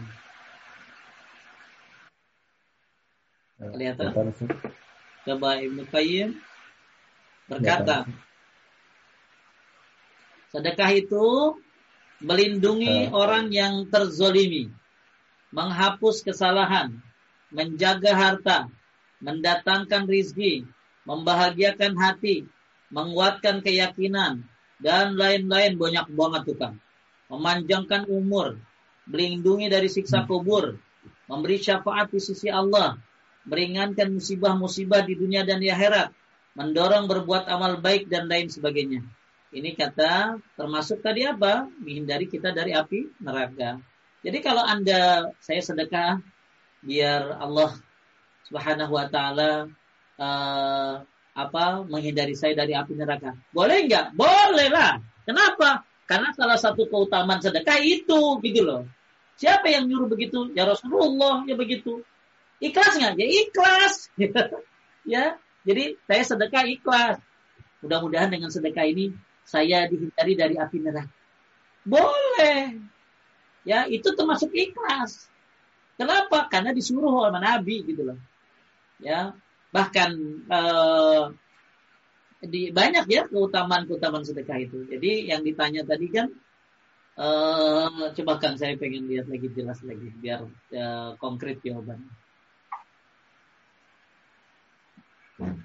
Ya, aku tanya kalau yang tadi yang oh yang usia pertanyaannya sorry.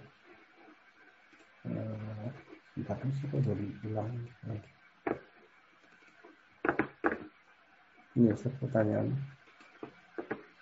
Ya, misalnya ya, sedekah dengan berharap akan sesuatu dari Allah itu bisa dijadikan sebagai tawasul. Bisa, karena itu kan berse eh, eh, kan tadi dengan amal soleh kan tadi definisi tawasul apa kembali kepada definisi tawasul melakukan segala ketaatan yang disyariatkan melakukan segala ketaatan yang disyariatkan itu tawassul.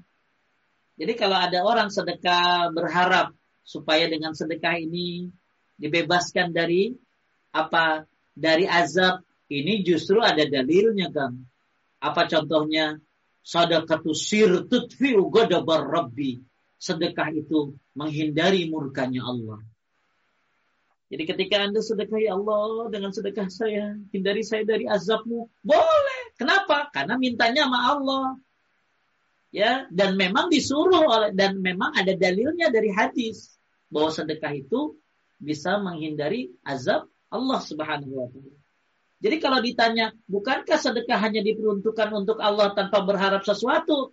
Ya, berharapnya sama siapa? Kalau berharapnya sama manusia, ya nggak boleh. Tapi kalau berharapnya sama Allah, boleh nggak? Ya, jadi yang nggak boleh ibu begini bu, hmm. bapak yang bertanya, ya bagus banget ini pertanyaannya. Anda nggak boleh, saya sedekah ah, biar nanti orang tahu kalau saya ini dermawan, biar orang tahu horik ain. Saya sedekah ah, biar ini biar itu, ya.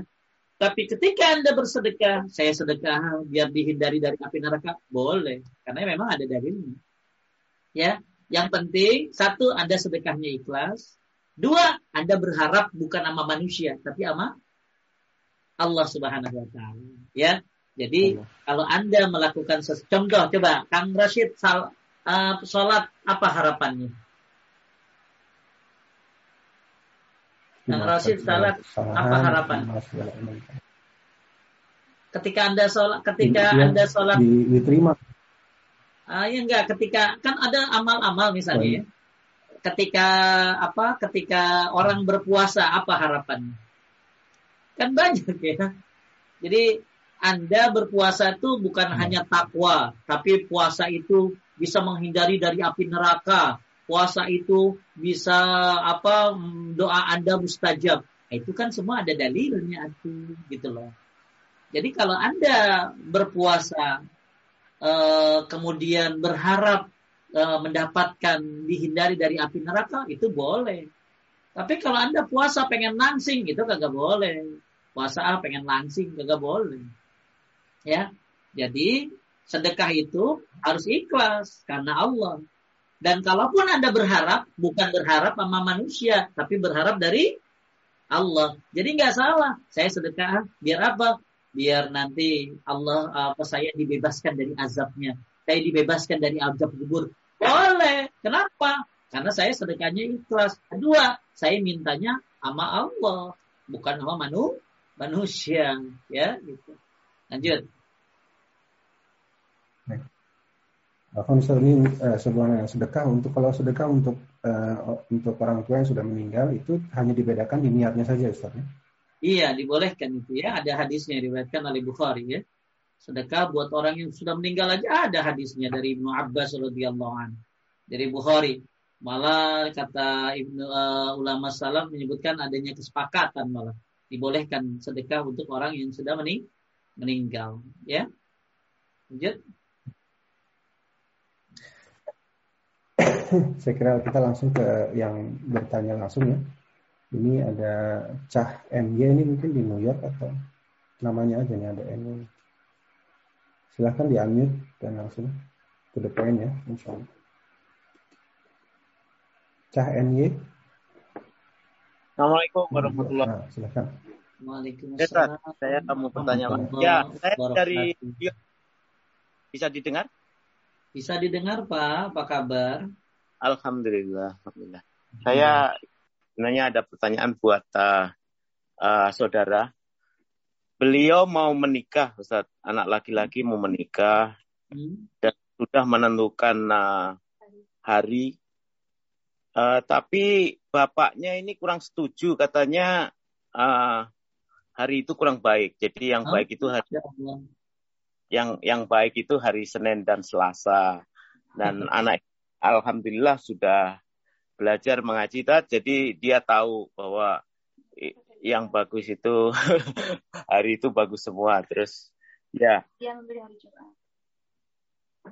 yang ditanyakan apa ya? Yang, yang ditanyakan gini tak uh, apakah anak itu boleh ngikutin orang tua tapi alasan menghormati orang tua? Karena sekarang ini hubungan antara bapak dan anak ini agak renggang gitu Oke. Okay. Dasar. Baik Pak Cah, Pak kok hilang ya? Pak Cah, panggilnya apa ya? ah, Pak Cah. Joko Tat.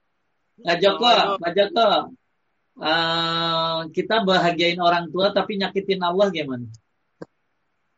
Betul. Kita durhaka sama ya. orang tua, tapi durhaka sama kita bahagiain orang tua, tapi akhirnya durhaka sama Allah.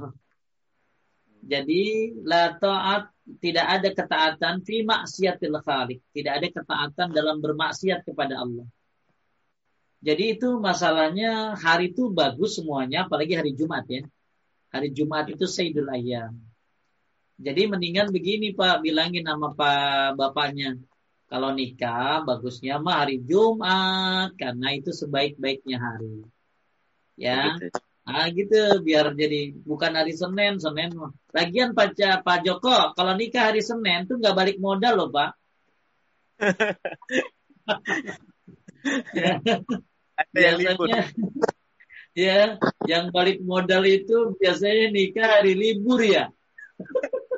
Hari libur ya. Aduh, jadi bapak orang tuanya ini mungkin kena ini ya, kena kena karena metode-metode hitung-hitung hari-hari sial ya. Si anaknya namanya ini calonnya ini dihitung-hitung oh cocoknya hari Senin dan ini termasuk kesyirikan ya. Karena menganggap ini bagi uh, hari itu bisa bawa sial. Padahal semua hari baik apalagi hari Jumat. Jadi jangan jangan jadi jangan begini Pak.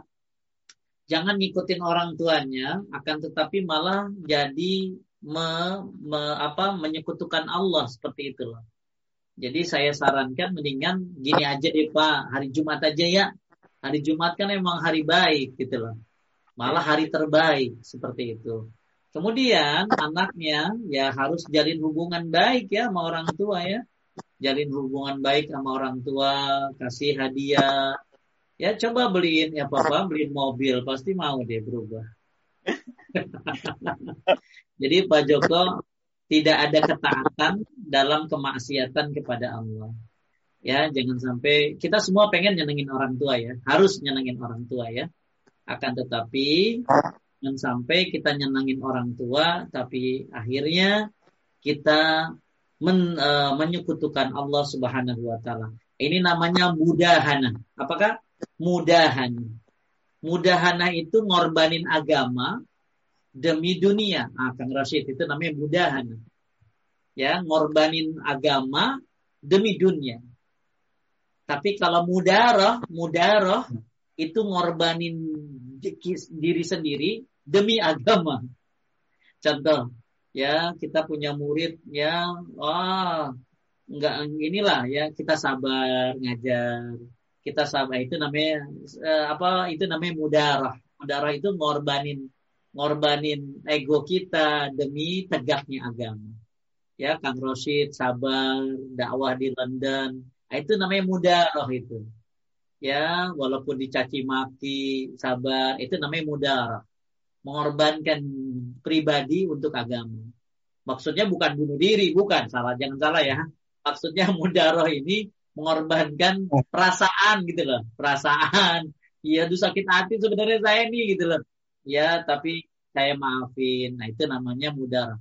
Jadi jangan sampai mudahan ya. Mudahan ini ngorbanin agama uh, eh ngorbanin agama demi dunia. Jangan ya, jangan. Itu aja Pak Joko ya. Taib. Kok barusan saya semoga menjawab pertanyaan Pak. Nah, eh, baik berikutnya ini Cici Maulina silahkan di unmute dan langsung bentar bisa di unmute Bu Cici. Assalamualaikum Ustaz. Waalaikumsalam warahmatullahi wabarakatuh. Bu Cici, ya silakan. Um, maaf sebelumnya Ustaz, saya mau nanya tentang tingkatan dari tauhid seperti uh, la ilaha illallah. Jadi saya ada membaca salah satu referensi di situ dia mengatakan bahwa setiap hamba yang telah mendapatkan mendapatkan pengetahuan yang tingkatannya itu hakul yakin, maka tingkat ketauhidannya itu akan berbeda. Uh, di situ dijelaskan juga bahwa tingkat ketauhidan atau tingkat dari la ilaha illallah itu yang pertama itu yang paling bawah ada la ilaha illallah. Terus yang di atasnya itu ada lagi la ilaha illa anta.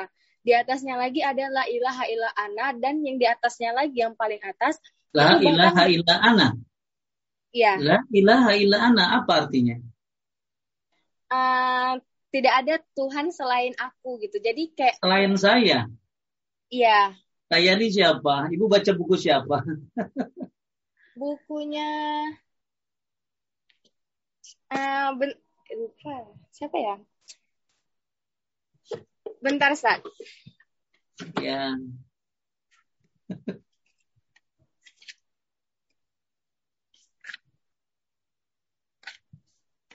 saya itu Nasir Ustaz. Saya Hussein Nasir. Judulnya ya. apa? Judulnya tentang uh, modernisasi Islam dan nestapa manusia modernisasi. Ah, bacanya yang tauhid mah yang bagus-bagus aja tuh teh. ya, teh kalau baca pilih-pilih ya. Pilih-pilih apalagi masalah tahu tauhid. Coba saya tanya. Apa bedanya la ilaha illallah sama la ilaha illa anta? Kalau dari penjelasan di situ, la ilaha illallah itu kayak dia tuh hmm, masih bisa memas gimana ya? Jadi gini oh, teh, baik saya nggak uh, saya saya langsung jelaskan saja. Ya. Iman itu cabangnya ada 70 teh ya. iman itu cabangnya ada 70. Yang paling tinggi adalah kalimat la ilaha illallah. Jadi masalah mau la ilaha illallah, la ilaha illa anta subhanaka ini kuntu minaz zalimin. Ya, kalau la ilaha illa ana uh, la ilaha illa ana saya nggak tahu ya. Tapi kalau la ilaha illallah, la ilaha illa anta uh, tingkatan-tingkatan tauhid itu cuma tiga teh ya. Tauhid apa tadi? Cici Mulyana, Maulina tahu nggak tingkatan tauhid? Pertama apa tadi? Dari yang saya baca, Ustaz. Enggak, enggak, yang dari saya tahu nggak tadi? Oh, tadi saya telat masuk, Ustaz, maaf. Ya, tauhid itu ada tiga. Tauhid uluhiyah, tauhid rububiyah, tauhid asma wa sifat. Itu tiga pembagian apa tadi? Tauhid. Saya ulangi, ada Bu Cici, ada tauhid namanya tauhid uluhiyah bahwa hanya Allah yang berhak disembah.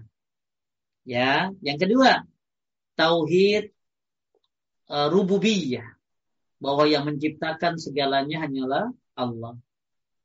Yang ketiga tauhid asma wa sifat. Tauhid asma wa sifat artinya apa? Bahwa Allah memiliki nama-nama dan sifat-sifat. Itu yang bahas adalah ulama-ulama um, mengumpulkan dari berbagai sumber Quran dan hadis digabung jadi itu. Lebih baik ambil itu saja teh cici agar kita membahas sesuatu dari pembahasan yang sangat-sangat jelas. Ya, jadi kalau masalah la ilaha illallah, la ilaha illa anta, tingkatan-tingkatannya, saya terus terang nggak tahu ya tingkatan kayak gitu saya nggak pernah ada di kitab tauhid seperti itu. Bisa jadi itu pembuatan-pembuatan beliau saja. Tapi yang pasti yang dibahas oleh para ulama adalah tiga tingkatan tauhid tadi. Masih ingat tes cici apa aja? Tauhid, tauhid apa tadi? Tauhid rububiyah dan asma sifat. Asma wa sifat. Itu yang yang ada di Quran dan hadis berserakan itu. Ya, tauhid uluhiyah berarti yang kita sembah hanya Allah. Tauhid asma wa sifat berarti Allah punya nama dan sifat-sifat. Tauhid rububiyah berarti Allah yang menciptakan, yang mengatur segalanya. Nah sekarang masalah kalimat la ilaha illallah.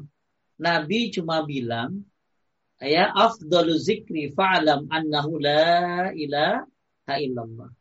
Sebaik-baik zikir, ya afdalu zikri la ilaha illallah. Sebaik-baik zikir adalah la ilaha illallah sebaik-baik zikir adalah la ilaha illallah. Kemudian tadi cabang iman ada 70 yang tertinggi adalah kalimat la ilaha illallah. Jadi eh, saya tidak tahu pembahasan beliau nih kalimatnya nih kalimatnya diapain sama dia gitu. Ya, tapi intinya tauhid itu berputar kepada tiga tadi. Ya, kemudian jangan lupa tinggalkan sekutu-sekutu selain Allah, jadi lebih bagus uh, pembahasan tauhid itu baca dari dari buku-buku yang sudah jelas saja ya, yang sudah bagus, yang memang dikarang oleh ulama-ulama yang ahlinya seperti itu. Karena bacaan itu bisa berpengaruh ya kalau kita kurang baca referensi dari buku-buku yang yang jelas. Jadi kalau saya sarankan coba baca bukunya Syekh Salih Al Fauzan, Beliau seorang ulama besar yang mengarang buku Tauhid jilid 1, jilid 2, jilid 3. Dan Cici tinggal di mana? Di Riau, Pak. Eh, di, di Riau, Ustaz. Ya. ya, di Riau. Nanti coba minta alamatnya, uh, minta ke admin ya, ke admin nanti saya kirimin buku Tauhid yang bagus. Ya, biar Teh Cici baca. Insya Allah ya, Teh. Makasih, Ustaz. Oh iya, ya, maaf, nanti Ustaz. Saya Nanti saya kasih bukunya biar Teh Cici bacanya yang jelas-jelas aja.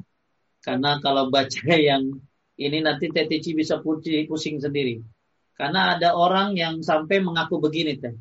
Dia ngomongnya tuh anal anal hak, anal hak, anal hak, anal hak. Dia mengaku Allah bergabung dengan dirinya. Nah, itu alirannya Al-Hajjaj. Ya, ya, banyak ya aliran-aliran tauhid itu teh ya. Tapi yang kita ambil tauhid yang yang dari ahlus sunnah wal jamaah. Bukan tauhid yang dikarang karena tauhid ini banyak. Uh, nanti nanti teteh saya kasih buku ini ya. Syarah kitab tauhid bagus nih dari Ustadz Kiranda. Nanti teteh baca ya. uh, tentang tauhid menurut pemahaman filsafat, tauhid menurut pemahaman uh, orang-orang sufi, tauhid menurut ini menurut ini nanti ada banyak uh, pembahasan tentang tauhid di sini. Di bab 6 juga sama. Cuman saya nggak terangin di sini karena takut pusing ya. Yang gampang-gampang aja yang saya terangin. Minta alamatnya ya. Cici kasih ke adiknya Teh Cici ya. Ya, nanti biar tambah bagus kalau kita. Sama-sama. Lanjut. Baik, nanti Ibu Cici akan dikontak oleh salah satu admin ya, either itu admin Fabiola atau admin Poppy. Baik, saya share dulu screen dulu sebelum kita ke penanya langsung yang mau angkat tangan. Baik, uh, ini ada dua pertanyaan walaupun beda topiknya, tapi saya sambung, saya gabung menjadi satu. Ustaz. Uh, penanya pertama, Assalamualaikum Ustaz, mau tanya, apakah saat kita bertawasul dengan amalan kita, amalan tersebut akan tidak dihitung lagi di akhirat, nanti di saat hisab.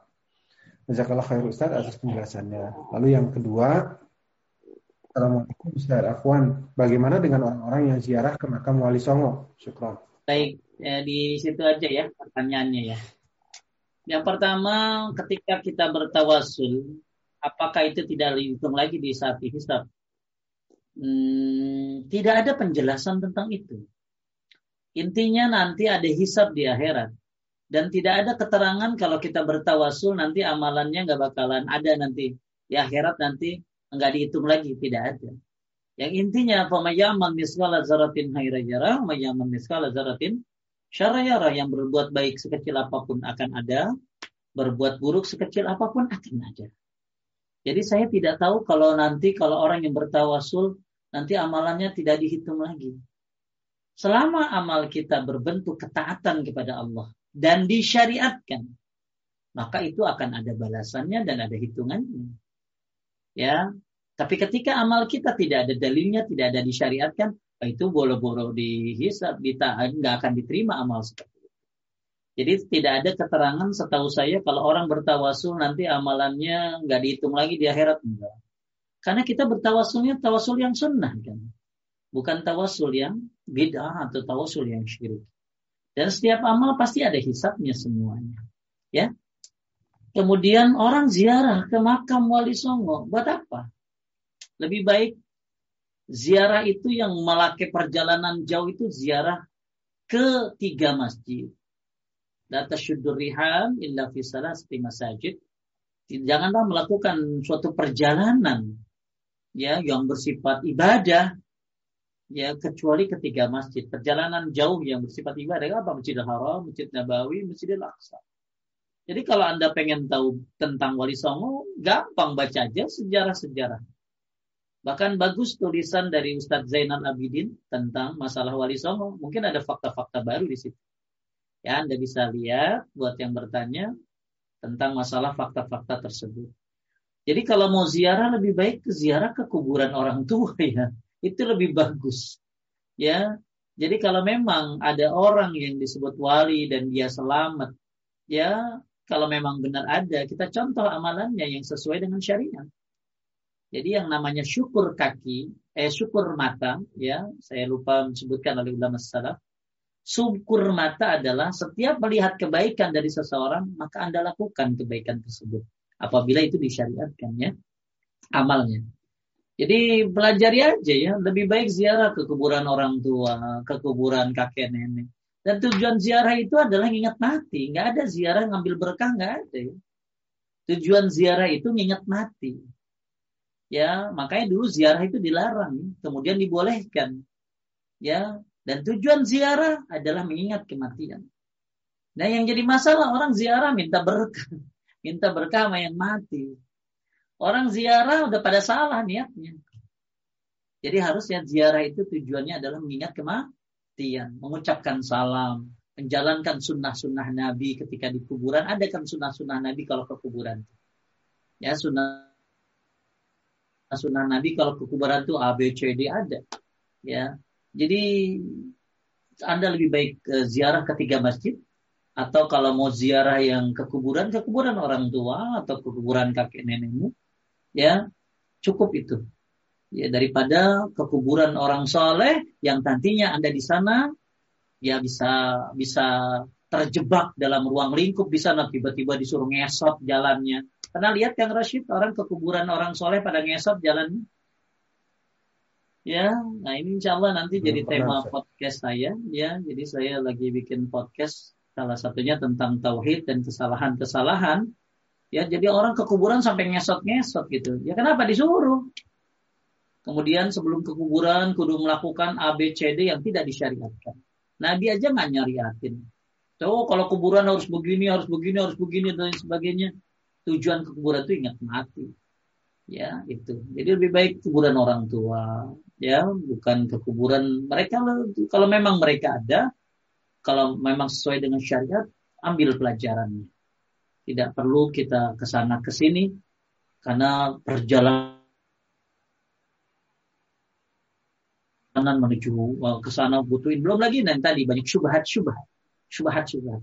Ya karena e, banyak sekali syubhat syubhat di tempat-tempat seperti itu.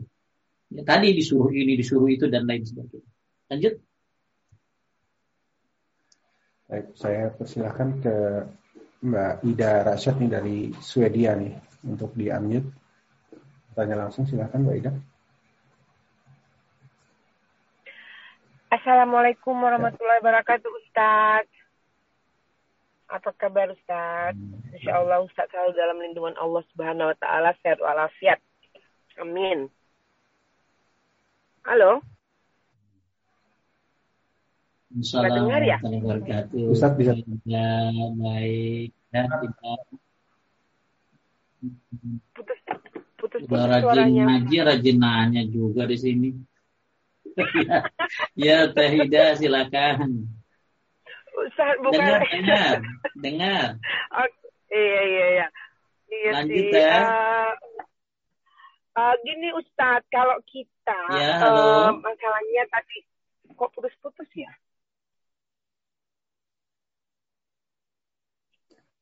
Halo? Enggak, bukan putus-putus, ada delay. Ada delay, jadi nggak apa-apa. Terus aja langsung. Silakan. Oke, oke, oke. Mungkin saya matikan. Aduh. Halo, iya putus-putus ya nyampe nya. Terus. Halo, sekarang gimana Ustaz? Nah, ini bagus. Udah bagus ya Parasit? Oh, bagus. Bagus. Oh iya. Oh, iya. Uh, pertanyaannya Ustadz kan gini kalau kita nah, umpamanya Taida bagus. Okay. Kalau kita halo, aduh saya ya, kayaknya ya, delay ini. Lagi ya, terus aja Mbak Ida, terus aja Mbak Ida. Oke. Okay. Iya, malu sih tanya sering ngaji kata ya. Ustadz tapi tanya juga Assalamualaikum. Aduh, kok, kok putus-putus ya? Udah uh, mudah-mudahan bisa dengar ya Ustadz ya.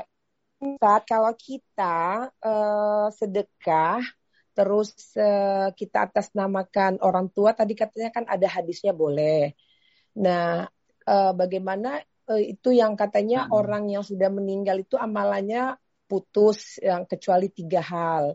Uh, amal uh, doa anak yang soleh dan uh, ilmu yang bermanfaat uh, amal jariah serta ama, uh, sedekah gitu. Tapi kalau sudah uh, tidak kan uh, udah nggak nggak sampai lagi gitu karena ini kejadian pribadi. Uh, saya uh, menyedekahi mengatasnamakan orang tua, tapi dikritik gitu loh sama keluarga. Nggak usah sebut orang tuanya. Kebetulan keluarga uh, belum uh, ini ya salafi ya. Jadi makanya uh, gimana itu Ustaz? Katanya nggak usah disebut namanya satu. Terus satu lagi uh, kalau kita sedekah, kebetulan saya kan jauh, jadi suka nitip. Begitu kalau ada apa-apa sebenarnya titip gini ya. Mudah-mudahan Allah ridho. Saya cuma mengharapkan pahalanya. Terus uh, dikritik juga, katanya nggak usah bilang gitu. Allah maha tahu lah maunya apa gitu. Apa bo apa boleh kita sebut gitu? Cuman dengan uh, insya Allah mudah, uh, saya sih cuma mengharapkan pahalanya aja dengan sedekah ini gitu. Jadi karena mesti melalui titipan gitu, jadi uh, mesti sebenarnya bilang nggak usah dibilang gitu juga udah tahu Allah maha tahu nggak usah di ini nanti jadi ria gitu. Udah. Udah gimana tuh caranya? Baik, yang pertama sebenarnya bukan tiga ya. Kalau tiga itu yang diriwayatkan oleh Bukhari. Sedangkan riwayat lain ada tambahan seperti sumur yang dia gali, ya. Kemudian, jadi kan kita tahunya kalau manusia mati tinggal tiga, ya.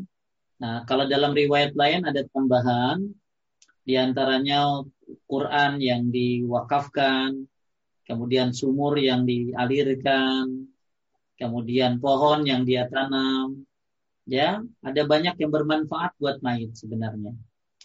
Nah sekarang pembahasannya langsung to detail.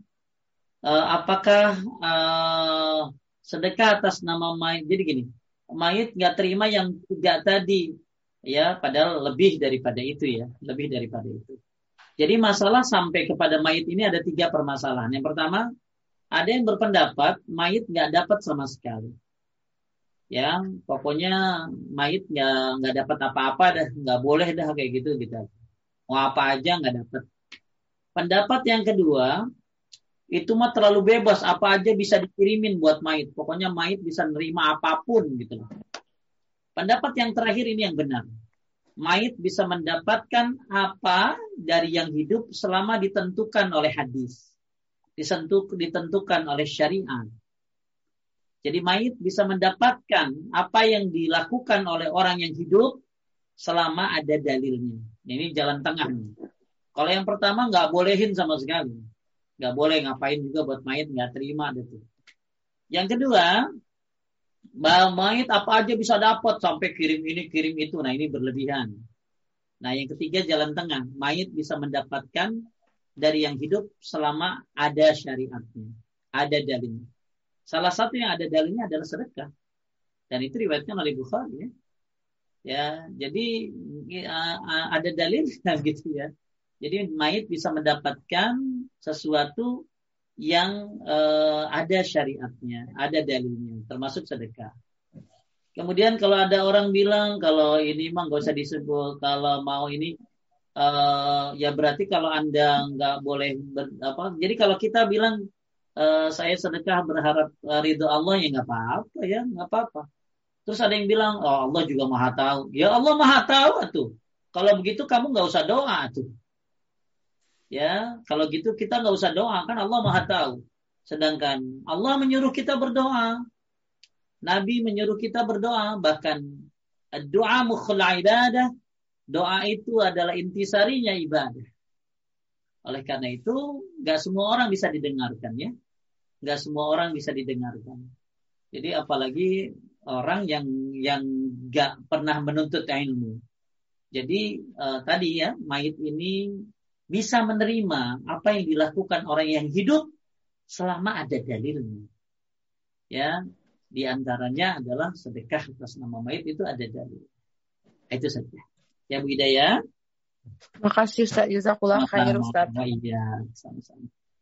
Sehat-sehat Ustaz ya. Assalamualaikum warahmatullahi wabarakatuh. Assalamualaikum warahmatullahi wabarakatuh. Kasih. Um, saya uh, yang menitip tapi mohon maaf ini Pak Turmanto mohon dikirim SMS eh SMS Pak Turmanto kalau tolong kirim message ke admin Fabiola uh, kira-kira outline atau intisari pertanyaannya apa sehingga kita bisa uh, klasifikasikan. Baik, saya mau uh, share dulu ini pertanyaan. Bismillah, apa Ustaz? Kapan amalan buruk atau baik dicatat malaikat? Sebab terkadang niat awal beramalnya baik, ikhlas, tapi di tengah-tengah tidak, misalnya jadi kesal, jadi ria dan lain sebagainya. Kemudian melakukan yang baik. Apakah ganjaran pahalanya akan sama dengan yang dari awal sampai akhir tetap ikhlas, tanpa berubah niat menjadi ria atau kesal, dan lain-lain, dan tetap merupakan amalan soleh? Jazakallah khair. Baik, ini aja share-nya. Kapan amalan buruk atau baik dicatat malaikat sebab terkadang niat awal beramalnya baik ikhlas tapi di tengah tidak ikhlas. Ya berarti kagak ikhlas satu. Kalau di tengah-tengah kesel berarti nggak ikhlas tadi. Ya, ikhlas ini kesesuaian antara uh, hati dan perbuatan. Itu ikhlas. Terus ikhlas itu melihat khalik melupakan makhluk. Terus ada lagi yang bilang ikhlas itu tidak bertambah kalau dipuji dan tidak berkurang kalau dihina. Jadi mau dihina, mau di unlike nggak ada hubungannya. Ya mau dipuji juga nggak ada hubungannya. Jadi kalau ada orang beramal, kemudian di tengah-tengah dia kesel, maka jadi ria, maka dia sebenarnya ada kekurangan dalam keikhlasannya. Maka ketika terjadi demikian langsung istighfar, minta ampun kepada Allah dan meyakinkan dirinya. Dan ingat balasan-balasan tentang uh, keutamaan daripada amal tersebut. Ya, jadi kalau ada orang beramal kemudian tengah jalan uh, apa? Jadi gini nih, ya, ada amal tuh ada begini kan Ada yang dari awal ikhlas sampai akhir.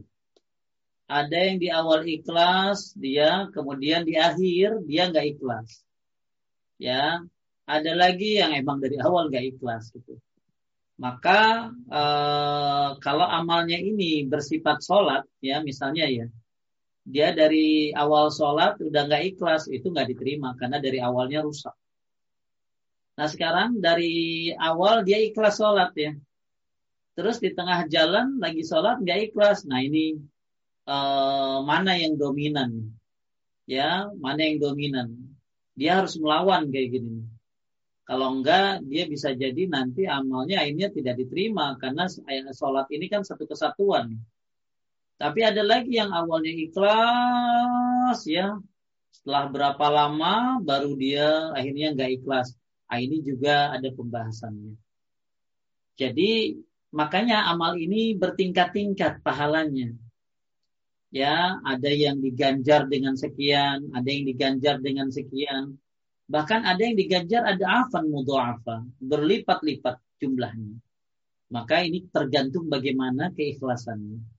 Ya, jadi insya Allah tetap diganjar ya, cuman sesuai dengan tingkatannya. Makanya supaya tingkatannya tinggi, supaya tingkatannya tinggi, maka hendaklah kita mengikhlaskan dari awal sampai akhir ya. Kalau pengen tinggi, tapi kalau keikhlasannya cuma setengah, kemudian kesel, kemudian uh, akhirnya ngomongin, bahkan nyakitin itu bisa hilang man. Ya, saya ulangi ya. Anda ikhlas awalnya nolongin orang. Terus akhirnya kesel sama orang tersebut. Akhirnya ngomongin semua kebaikan Anda sama dia sambil menyakiti omongannya, maka itu bisa hilang amalnya. Ya. Uh, jadi ada orang yang ikhlas dari awal sampai akhir ini yang the best. Tapi ada orang yang memang ikhlas.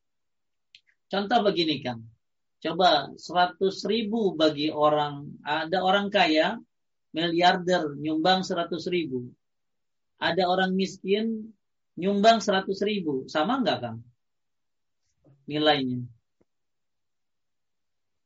Beda pasti kan? Putus. Ya, ya karena orang miskin pasti butuh perjuangan untuk mengeluarkan uang sebesar itu. Ya, jadi ada tingkatan-tingkatannya dalam masalah uh, masalah ini pahalanya masing-masing sesuai dengan kehendak Allah dan sesuai dengan dengan keikhlasannya. Maka yang terbaik adalah dia ikhlas dari awal sampai akhir ya. Tapi kalau di tengah jalan dia nggak ikhlas segera beristighfar. Segera introspeksi diri agar pahalanya tidak tidak hilang ya. Uh, kemudian tadi jangan sampai menyakitin orang yang dia tolong, maka ini bisa menghilangkan nanti. Apalagi mengungkit-ungkit pember pemberiannya. Ya, insya Allah masing-masing ada ganjarannya, ada yang diganjar sekian, sekian, sekian, sekian, ya bahkan yang berlipat-lipat. Itu sesuai dengan uh, keikhlasannya. Wallahu a'lam. Lanjut. Uh, berikutnya kita Uh, Umu Harun, silakan di unmute dulu.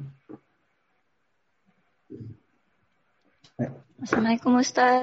Waalaikumsalam warahmatullahi wabarakatuh ya. Izin bertanya uh, tentang uh, asmaul sifat itu yang baik itu seperti apa? Karena uh, ada beberapa yang salah penggunaan ketika menggunakan asmaul sifat, misalkan nama-nama Allah yang baik itu digunakan untuk zikir, tetapi tidak ada tuntunannya. Iya. Kemudian yeah. pernah ada suatu kejadian juga seorang teman uh, dia mengalami kesurupan. Cuma di tengah-tengah ketika sebelum dia uh, tidak sadar dirinya menjadi diri, menjadi orang jin itu masuk, dia itu sempat uh, mengucapkan asmaul husna itu seperti ya ya kofur uh, dan asmaul husna yang Allah Maha melihat. Kemudian tiba-tiba dia sudah hilang kesadaran, kemudian dia melihat uh, sesuatu yang seharusnya sesuai yang dikatakan di Baik. surat Al-A'raf tadi yang 27. Nah, yeah. jadi penggunaan Asmaul Husna seperti apa yang dibenarkan dan Baik. sesuai tuntunan. Itu yang yeah. pertama. Kemudian baca seperti kata Ustadz bacaan itu mempengaruhi pola pikir kita. Uh, kita kan biasanya membaca Al-Quran itu tidak cuma artinya saja, tetapi dengan tafsir. Kalau di hmm. Indonesia ini memang ada beberapa uh, yang sudah mentafsirkan Al-Quran, salah satunya uh, Al-Azhar dari Buya Hamka. Kemudian hmm. ada lagi juga dari uh, Al-Misbah, karya Quraisy Shihab. Itu uh, sebenarnya ada beberapa referensi lain. Cuma saya mohon bimbingannya untuk referensi tafsir itu seperti apa yang bagus yang dari iya. Indonesia Kemudian yang dari luar itu yang mana? Orang Indonesia. Uh, orang Indonesia. Yeah. Kenapa yeah. enggak internasional? soalnya sudah uh, karena apa? Lebih banyak di Gramedia kan uh, kebanyakan Wah, karya sekarang saya banyak ya. Banyak Iya, di, cuma kan karena keterbatasan ilmu Ustaz sempat beli yang punya Al Azhar. Alhamdulillah nggak beli yang Al Misbah karena ada somethingnya itu Ustaz. Ya, bagus. Banyak subhatnya. Tapi hmm. uh, ini sudah beli yang di Al Misbah. Baik, eh, yang ini aja Firanda aja. Seperti apa gitu. Yang tafsir Ustaz Firanda aja juz amma bagus. Juz 28, 29, 30. Bagus Ustaz itu. Firanda. Ya, tafsir juz amma ya. Juz 28, juz 29, 30. Teteh kalau baca itu wih dapat ilmu banyak banget. Karena itu dia ngambil dari referensi banyak sekali. Hmm. Eh, saya rajin baca tafsir ya, tapi begitu baca tafsir dia itu ada sesuatu yang berbeda. Dalam arti kata dia ngumpulin pendapat ini, pendapat ini, bagus-bagus deh. Ya, uh, tafsir ya. Ustaz Firanda bagus. Dan baru juz 28, 29, 30. Oke, yang pertama tadi ya. Ya. Zikir Asmaul Husna itu, Asmaul Husna itu bukan dizikirin ya. Ya, tidak ada zikir Asmaul Husna nggak ada. Ya, jadi Asmaul Husna itu dipakai buat berdoa. Kemudian Asmaul Husna itu dipahami, diamalkan. Ya, dihafalkan boleh. Tapi ada orang jadi ada orang baca ya gofar ya gofar ya gofar ya gofar seribu kali. Itu nggak ada zikir kayak begitu. Ada orang baca ya jebar ya jebar ya jebar ya jebar ya jebar jebar seribu kali. Nggak ada kayak begitu. Jadi Asmaul Husna itu nggak ada zikir Asmaul Husna nggak ada. Jadi yang ada apa Pak Ustadz? Jadikan Asmaul Husna itu sebagai hafalan satu. Yang kedua bukan hanya dihafalkan tapi dipahami artinya, maknanya dan penjelasan-penjelasan dari para ulama. Ya, makanya ada buku bagus tentang syarah Asmaul Husna. Ya, eh, teh eh, siapa panggilnya Ummu Harun ada buku judulnya Syarah Asmaul Husna dari pustaka Imam Syafi'i bagus banget itu. Kalau ibu beli penjelasan tentang Asmaul Husna di situ komplit. Ya, atau penjelasan Asmaul Husna dari siapa ya? Ya saya tahunya itu saja. Ya, ada beberapa sebenarnya. Cuma salah Syekh Abdul Razak atau Syekh Abdul Musin. Saya lupa ya, dia bikin juga tentang Asmaul Husna. Saya lupa antara bapak atau anak gitu ya. Syekh Abdul Musin bapaknya, Syekh Abdul Razak itu anaknya. Jadi Asmaul Husna itu bagus dihafalkan, kemudian diamalkan, dipahami, ya itu yang paling bukan disikirkan, ya ada zikir. Ada orang supaya kuat katanya baca ya jebar ya jebar ya jebar ya jebar nggak ada zikir begitu. Ya, ya kemudian uh, jadi Asmaul Husna itu dipakai buat berdoa, kemudian boleh dihafalkan, kemudian diamalkan, dipahami dan diamalkan. Ya teh, itu. Cukup Umu Harun? Yang uh, referensi dari luar tafsirnya Ustadz selain Ibnu Katsir. Selain Ibnu Katsir yang paling gampang tafsir As-Sa'di. Oke, sekarang Tete mau yang gretongan nggak? Teh Harun main gretongan gitu. Buka tafsir web. Halo. Oh iya, ada, web. ada. Oke, di situ banyak banget teh Madinah, Mekah, Sulaiman Al-Astor, As-Sa'di, uh, tafsir-tafsir yang sudah dipilih itu. Bagus ya teh, itu Ustadz siapa ya lupa yang bikin itu. Itu bagus semuanya dia ngumpulin tuh. Tafsir web aja murah meriah tuh. Ya, jadi tafsir web itu Masih ya teteh mau bahas apa? Di situ ada tafsir A, B, C, D dan semuanya sudah diseleksi tafsir-tafsirnya tuh. Ya, nah kalau tafsir yang ringan, gampang, ringkas ya, ringkas As-Sa'di.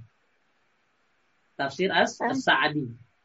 Tafsir As-Sa'di. Namanya Karimur Rahman, Taisir Kalamil Mannan. Yang dikenal dengan tafsir As-Sa'di. As-Sa'di. Ya. Kalau mau yang ya tafsir web ya teh ya, tafsir ya. web bagus. Uh, ini saya sudah punya uh, Al Azhar terus gimana Ustaz? Soalnya uh, sudah satu paket. Sih juga ya sekedar perbandingan saja tuh. Sekedar perbandingan gitu. saja. Ya. Uh, tapi yang Tidak yang ada bagus unsur di kan tafsir web uh, hmm. saya sih nggak sampai baca banyak ya. Cuman ya alhamdulillah kayaknya bagus-bagus aja sih. Ya, tapi kalau saya pakai yang pengen paling bagus aja langsung gitu. Ya kayak tafsir Ibnu itu bagus ya. Tafsir Asadi bagus. Atau tafsir tadi yang Firanda atau yang dari tafsir web tadi. Ya ya. Ya. Kalau heran Ustaz. Oh, iya. Lanjut. Ya. sekarang langsung ke Pak Turmanto. Pak Turmanto mohon di unmute. Assalamualaikum warahmatullahi wabarakatuh Salam. Nanya apa sih orang tua? nih izin gabung nih Pak Ustadz ke Kang Rasid nih. Ya, Jadi dua, dua, dua kali nih saya gabung di sini nih izin. Masya Allah. Kebetulan malam minggu nih tak malam minggu nih ya. jadinya ada waktu. Alhamdulillah. Pak Ustadz, jadi saya mau tanya ini Pak Ustadz, eh, esensi dari Qadarullah ya. Contohnya begini, ya kan? Ketika ada suatu kecelakaan ya sesungguhnya ibu ini tahu bahwa dia itu eh, ngantuk ya ngantuk. Nah sebenarnya udah waktunya sholat asar hmm. tapi dia nggak nggak berhenti ya kan? Nggak berhenti akhirnya ah oh, udah lanjutlah sholat asar ntar aja di rumah katanya gitu kira kurang lebih. Nah karena ngantuk sebenarnya kan e, karena ngantuk akhirnya nabrak lah dia pohon gitu kan oke okay. nah kalau lihat dari situ kan kelihatannya oh kodarullah dia memang celaka hari itu gitu kan. Tapi kalau ini kita lihat lagi, tadi pada saat ngantuk, waktunya sholat asar kan lewat masjid, kenapa nggak berhenti kan gitu? Kalau sholat asar berhenti kan seger lagi karena wudhu dan seterusnya, kan harusnya nggak menjadi kecelakaan. Nah, kira-kira pendapat yang kedua benar atau gimana Pak Ustadz? Itu sih. Assalamualaikum. Intinya manusia punya pilihan ya. Hmm. Ya, wahadainahun najdain. Allah berikan kita dua pilihan. Ya, kan ada pilihan Anda mau pilih yang mana. Uh, ketika kita sudah menentukan sebuah pilihan yang baik, misalnya, ya, nah itu juga bagaimana. Jadi intinya manusia punya pilihan untuk melakukan sebuah perbuatan dan memperbagus sebuah pilihan tersebut. Tapi hasil bisa itu hanya uh, sudah ditakdirkan oleh Allah Subhanahu wa taala. Jadi bisa saja dia berangkat ke takdir yang satu lalu menuju takdir yang lain. Misalnya dia tadinya sholat asar ya, dengan sholat asar itu akhirnya uh, dia jadi selamat ya dan jadi nggak celaka bisa jadi sebab itu. Ya, nah uh, makanya uh, ketika Wa ma min musibatin fa bima kasabat aydikum wa ya'fu an katsir. Apa yang musibah ini terjadi karena karena kesalahan kita, musibah itu terjadi karena kesalahan kita. Dan Allah memaafkan kalau dia mau bertobat. Intinya. Jadi ketika uh, kita memperbagus usaha, kita memperbagus syariah, ya, kita menjalankan perintah-perintahnya, kita menjauhi larangannya, itu kan berarti memperbagus usaha. Maka dengan sebab itu insya Allah Allah berikan kita kemudahan dan jalan yang mudah. Tapi e, ketika ada sebuah musibah, dengan sebab apa sih orang musibah itu? Salah satu perkataan dari Ali bin Abi Thalib, musibah itu datang adalah karena dosa. Dan tidaklah diangkat sebuah dosa kecuali karena tobat. Eh, tidaklah diangkat sebuah azab kecuali karena tobat. Bahkan efek dari sebuah dosa itu bisa berefek pada banyak hal. Sampai kendaraan juga Batur Mantu, kata ulama salaf. Jadi kata ulama salaf, orang kalau berbuat dosa itu bisa berefek pada kendaraannya dan lain-lainnya. Makanya uh, ketika terjadi ya sudah, dia tinggal menyadari aja kan. Itu yang terpenting. Ya, yang terbagi terkata ketika sudah terjadi kecelakaan dan kemudian dia sadar bahwa ini gara-gara kesalahannya, hendaklah dia mengambil pelajaran, hendaklah dia mengambil ibroh, oh ini gara-gara dosa saya. Hendaklah dia beristighfar dan meminta ampun kepada Allah dan Allah insya Allah Allah pasti memaafkan. Seperti itu. Ya. Sekarang, Jadi, uh, kita ya sholat ya sholat ternyata dia milih jalan yang lain maka uh, ada uh, ada ada efek uh, ketika dia mengambil jalan yang lain tersebut hmm. kayak gini loh ada ada sebuah daerah yang banyak coronanya mau nggak kata Nurmanto masuk Enggak dong jangan jangan ya nah hmm. makanya kita nggak mau masuk ke daerah yang covid ya kita menghindar dari satu takdir menuju takdir yang lain. Yang lain. Hmm. Kita menghindar dari hmm. satu takdir menuju takdir yang lain. lain. Seperti itu Pak Temanto. Ya, hmm. Pak Temanto ya. ini kan kalau nanya suka susah-susah gitu. ya. ya intinya Pak Temanto sehat ya. Sehat, sehat ya. alhamdulillah. Ya. Sehat alhamdulillah. Ya, alhamdulillah. kita punya pilihan ya. Kita beralih dari satu takdir ke takdir lainnya kita memperbagus ikhtiar boleh. Yang penting gini loh. Setelah satu kejadian yang terjadi, hendaklah dia berintrospeksi. Hmm. Segala hmm. kejadian musibah itu sebabnya adalah dosa. Yang sayangnya ketika orang udah kena kejadian musibah dia nggak sadar. Hmm. Ya, hmm. dia malah ah ini mah karena gua ini gitu loh. Padahal ulama-ulama dulu sangat-sangat memperhatikan dosa ya bahkan gara-gara dosa ini banyak berefek bahkan corona wabah ini aja gara-gara dosa salah satu hmm. apa gara-gara banyaknya perzinahan yang sudah terang-terangan. Maka hmm. akan munculnya wabah seperti itu. Hmm. ya mudah-mudahan cepat berlalu ya betul ya. Makasih Ustaz Assalamualaikum. Sama-sama bantu Waalaikumsalam warahmatullahi wabarakatuh. Habiskan. Um, ini ada pertanyaan. Ada ada yang gitu pertanyaannya Ustaz. Saya saya share. Tapi kayaknya penanya satu ini sudah terjawab tadi sudah dibahas oleh Ustadz ya. Saya bacakan saja. Assalamualaikum semoga Ustadz panitia dan jamaah selalu dalam lindungan Allah. Izin bertanya apakah boleh tawasul menggunakan zikir asmaul husna berulang-ulang. Itu yang pertama. Lalu yang kedua, Ustadz, doa itu diawali dengan istighfar atau alhamdulillah dan apakah boleh sedekah untuk minta keturunan? Baik. Yang pertama, ya, sini aja ya. Uh, bertawasul menggunakan zikir asmaul husna berulang-ulang. Sebenarnya kalau Anda bertawasul menggunakan zikir asmaul husna lagi doa aja. Lagi berdoa atau zikir pagi sore kan ya hayu ya qayyum bi rahmatika Kemudian Anda lagi doa ya misalnya apa? Ya Anda banyak dosa ya ghafar ampuni dosaku ya Uh, termasuk baca doa-doa yang bagus di apa yang bagus untuk apa seperti doa Allahumma inni tu nafsi dzulman katsiran wa la dzunuba illa anta itu doa-doa seperti itu bagus ya doa da dari Nabi kepada Abu Bakar As-Siddiq jadi kalau ditanya boleh tawasul menggunakan zikir asmaul husna zikir asmaul husna ini kayak apa gitu loh jadi nggak ada zikir asmaul husna ya jadi mau coba saya ulangi ya. Apakah boleh tawasul hmm. menggunakan zikir asmaul husna? Enggak ada zikir asmaul husna. Tadi udah dijawab ya kan ya. Enggak ada zikir asmaul husna.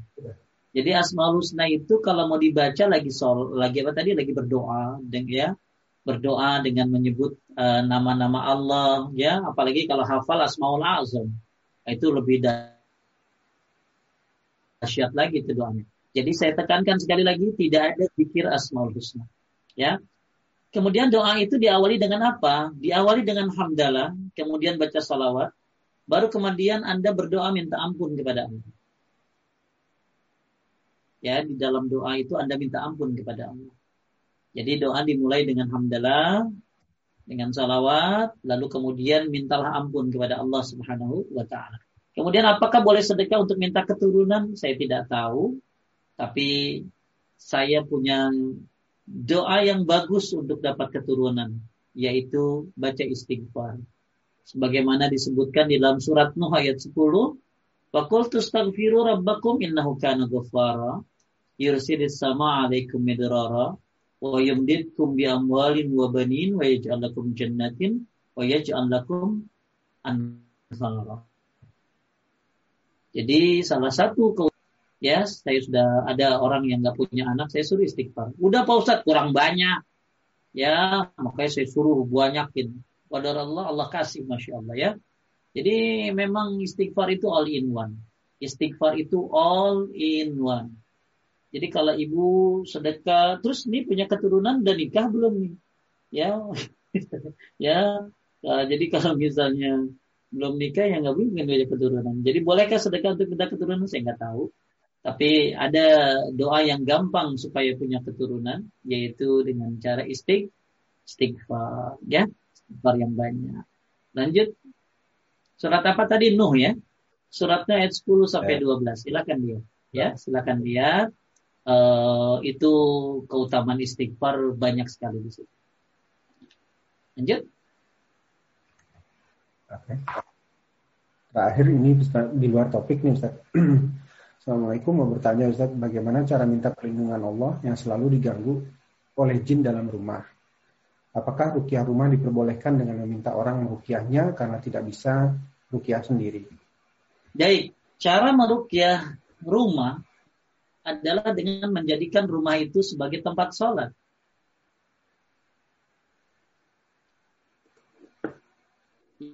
Ya, jadi kalau mau rukiah rumah gak laki-laki, dan jadikan tempat sholat sunnah dan wajib buat perempuan. Karena ketika Anda sholat sunnah di rumah akan ada kebaikan dalam rumah Anda. Ya, jadi memang disebutkan salah satu keutamaan sholat sunnah itu kata Imam Nawawi mendatangkan malaikat dan mengusir setan dari dalam.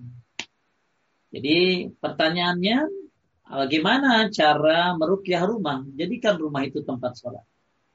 Ya, jadikan rumah itu tempat sholat. Ya, buat laki-laki sholat sunnah, buat laki perempuan wajib dan sunnah. Karena ketika anda sholat sunnah di rumah, maka akan berkah rumah anda. Dan kata Imam Nawawi, keluarlah syaitan-syaitan dan masuklah para malaikat. Kemudian masuk, ketika masuk ke dalam rumah, bacalah Bismillah. Maka setan akan berkata, La mabita lakum. Saya tidak bisa tidur di rumah ini. Tidak bisa nginep di rumah ini. Kemudian ketika masuk kamar mandi, bacalah doa-doa. Ketika makan, bacalah bismillah. Ya, nah, itu cara merukyah rumah tuh. Yang pertama itu, satu dengan sholat, dua dengan zikir-zikir dalam masuk rumah, mau tidur, zikir, ya, dan lain-lain, zikir pagi sore. Kemudian ya masalul baitil ladzi yazkurullah wal ladzi la yazkurullah kamislil hayy wal mait. Rumah yang dibacakan zikir kepada Allah dan rumah yang tidak dibacakan zikir diibaratkan dengan rumah yang mati. Jadi kalau rumah mati tidak ada zikir di dalamnya. Dan rumah yang hidup adalah rumah yang dibacakan zikir di dalamnya. Apalagi yang terakhir, kalau rumah ini dijadikan baca Al-Quran, khususnya surat Al-Baqarah. Ikra'u surat Al-Baqarah, fa inna syaitan tafiru minal baitil ladhi tukra fi surat Al-Baqarah. Bacalah surat Al-Baqarah karena setan itu lari dari rumah yang dibacakan surat Al-Baqarah. Ya, jadi gampang kok merukyah rumah, sholat, zikir, ya, baca Quran, apalagi baca Al-Baqarah. Kalau mau tambah cie, ya, bahagiakan orang-orang di rumahmu. Undang orang tuamu makan di rumahmu. Ya, ajak fakir miskin makan di rumahmu. Atau rumahmu dijadikan base camp tempat apa? Bikin apa? Buat hari Jumat. Ya oh yuk bungkus-bungkus kangen water. Bagikan kepada kaum muslimin. Jadikan rumahmu sebagai tempat membahagiakan kaum muslimin. Ya uh, sedekah dan lain lain undang orang tua makan. Ya dan lain-lain. Ya intinya banyak cara untuk merukyah uh, rumah. Ya merukyah rumah. Dengan cara yang murah dan memang bagus merukyah diri sendiri aja. Ya setan itu kalau menghadapi orang mukmin yang soleh dia kurus kering ya. Jadi anda harus cek tuh setan anda itu gemuk apa enggak gitu. Ya nggak tahu cara ngeceknya gimana. Karena kita nggak bisa lihat kan. Tapi intinya ketika anda menjadi mukmin yang saleh meninggalkan kemaksiatan menjalankan perintahnya menjalankan sunnahnya itu setan tersiksa dengan mukmin seperti itu ya mudah-mudahan ibu bisa merukyah dengan cara yang mudah. Itu ya cara rukyah yang mandiri. Dan jangan lupa satu lagi saya lupa ya. Habis sholat jangan lupa baca ayat kursi. Kulhu falak annas itu adalah rukyah mandiri. Ayat kursi kulhu falak annas kata Syekh bin Bas itu adalah rukyah mandiri. Pernah ada Kang Rosid orang di rumahnya di rukyah ya tapi nggak tahu ya itu rukyah sama siapa. Bayar 18 juta. Terus rumahnya dapat stiker bebas oh. dari hantu. Ghostbuster itu orang. Ya ya, ya uh, rukyah diri sendiri aja ya lebih murah ya. Dan anda dan pertanyaan saya begini Kang Rashid. Ketika rumah anda sudah dirukyah sama orang tersebut bayarlah sekian. Pertanyaan saya bisa masuk lagi nggak Kang Rashid setannya bisa bisa dong. Setan mah Mas Goon. Eh, apa Mas Goon? Setan mah uh, apa dia? Pondar mandir. Bagaimana keadaan seorang hamba? Jadi kalau Anda banyak istighfar, banyak zikir, banyak baca Al-Baqarah, banyak sholat, ya dia nggak masuk lagi. Yang penting tuh maintenance-nya. Habis diruk, habis jadi maintenance-nya. Sekarang Anda di Rukyah nih, rumahnya. Kaburlah, anggap setannya kabur ke mana tahu. Ya, ada yang nencrok di mana, nencrok di mana. Terus besoknya Anda melakukan lagi kemaksiatan. Besoknya Anda melakukan, udah balik lagi dia. Ya, maka maintenance-nya yang penting. Ya, rukyah dirimu sendiri, rukyah rumahmu sendiri dengan cara yang disyariatkan dan mudah. Nah, yang penting Anda lakukan itu terus-terusan ya jangan sekali kali karena dia pergi dalam tafsir Kalau kita lalai dia baru deketin, kita soleh dia pergi gitu loh. Ya, uh, jadi setan tuh memantau kita. Ketika kita lalai ya dia datang lagi. Kita taat baru dia pergi lagi. Makanya selalulah dalam ketaatan insya Allah. Cukup para syekh? Cukup Ustaz, Masya Allah. Cukup Ustaz. Ya, Alhamdulillah. Alhamdulillah. Uh, Afwan Ustaz sebelum ditutup uh, ini insya Allah kita akan uh, adakan seperti yang lalu-lalu untuk pembahasan tauhid ini kita akan ada quiz. uh, kita sudah ada dua quiz yang untuk bab satu dan bab dua. Ini mungkin kita sampai bab lima kemarin kita gabung dari bab tiga gimana Ustaz? Atau dari Betul nggak apa-apa Pak. Ya, betul bagus. Ya, ya mungkin pertanyaannya Jadi lebih kita, banyak ya. Kuis Ya, bagus ya. Jadi nanti kita dari ya kuis izin Ustadz nanti kita akan diskusi dengan Ustadz. Tapi Baik, uh, ada berhadiah ya Ustadz. Nanti ini ada harus ada hadiahnya. Ya, perlu Baik, pejuang mungkin, agama itu harus dikasih hadiah. Insya Allah pejuang tauhid harus dikasih hadiah. kita tinggal. Kalau ada umrah umrah, cuman kagak ada masalahnya yang yang endorse. ya, ya lanjut. Yang pun aku ya. Baik, baik, baik. Uh, mungkin dulu Ustaz, saya, saya mohon mohon bimbingannya untuk ditutup dulu Ustaz. Baik, kita tutup Bapak Ibu sekalian yang dimuliakan oleh Allah Subhanahu wa taala. Sebelum kita tutup ada sebentar ya. Insya Allah. Hmm. Saya mau mengamalkan satu doa yang doa ini jarang dibaca kali itu doa kifaratul majlis. Tapi kok jadi error. Sebentar. Ya sudah, ya qadarullah. Gak bisa ini. Ya itu aja, eh, kita tutup. Eh, insya Allah kita mau masuk Ramadan, hendaklah kita mempersiapkan diri untuk menyambut Ramadan dengan sebaik-baiknya. Bekal, bekalnya adalah satu, eh, kata Syekh bin Bas, bekal Ramadan adalah satu ilmu. Yang kedua adalah takwa, yang ketiga adalah tobat.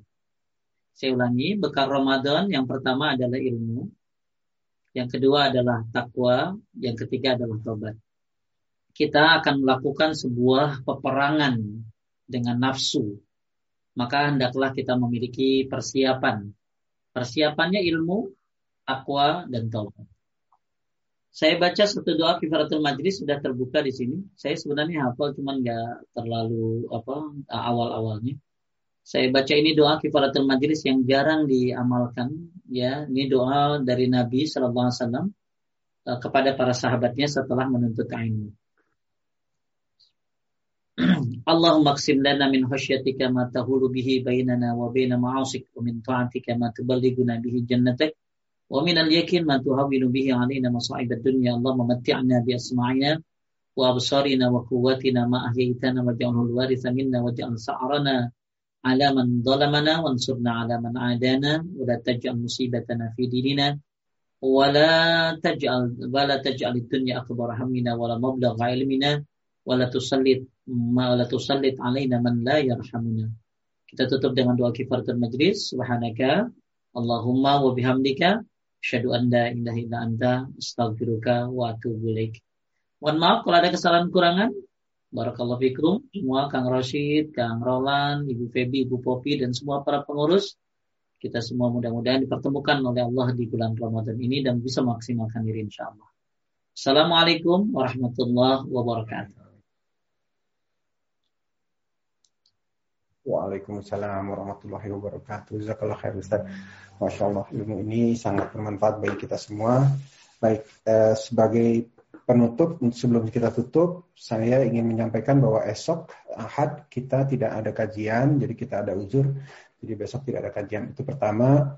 Lalu yang kedua nanti quiz kita akan share di info kajian eh, rumah dakwah paduka. Nanti quiz akan kita share Insya Allah dari bab 3 sampai bab 5 bahan-bahan bisa disaksikan kembali di YouTube eh, channel kami rumah dakwah paduka dari bab 3 sampai bab 5 Baik, kami juga mohon maaf jika ada kekurangan dan kesalahan, khususnya kepada Ustadz Agus Hendra Abizullah. Mohon maaf jika ada kesalahan kata, sifat, um, sikap. Barakallahu fikum, wabillahi taufiq wa hidayah. Assalamualaikum warahmatullahi wabarakatuh. Waalaikumsalam warahmatullahi wabarakatuh. Jazakumullah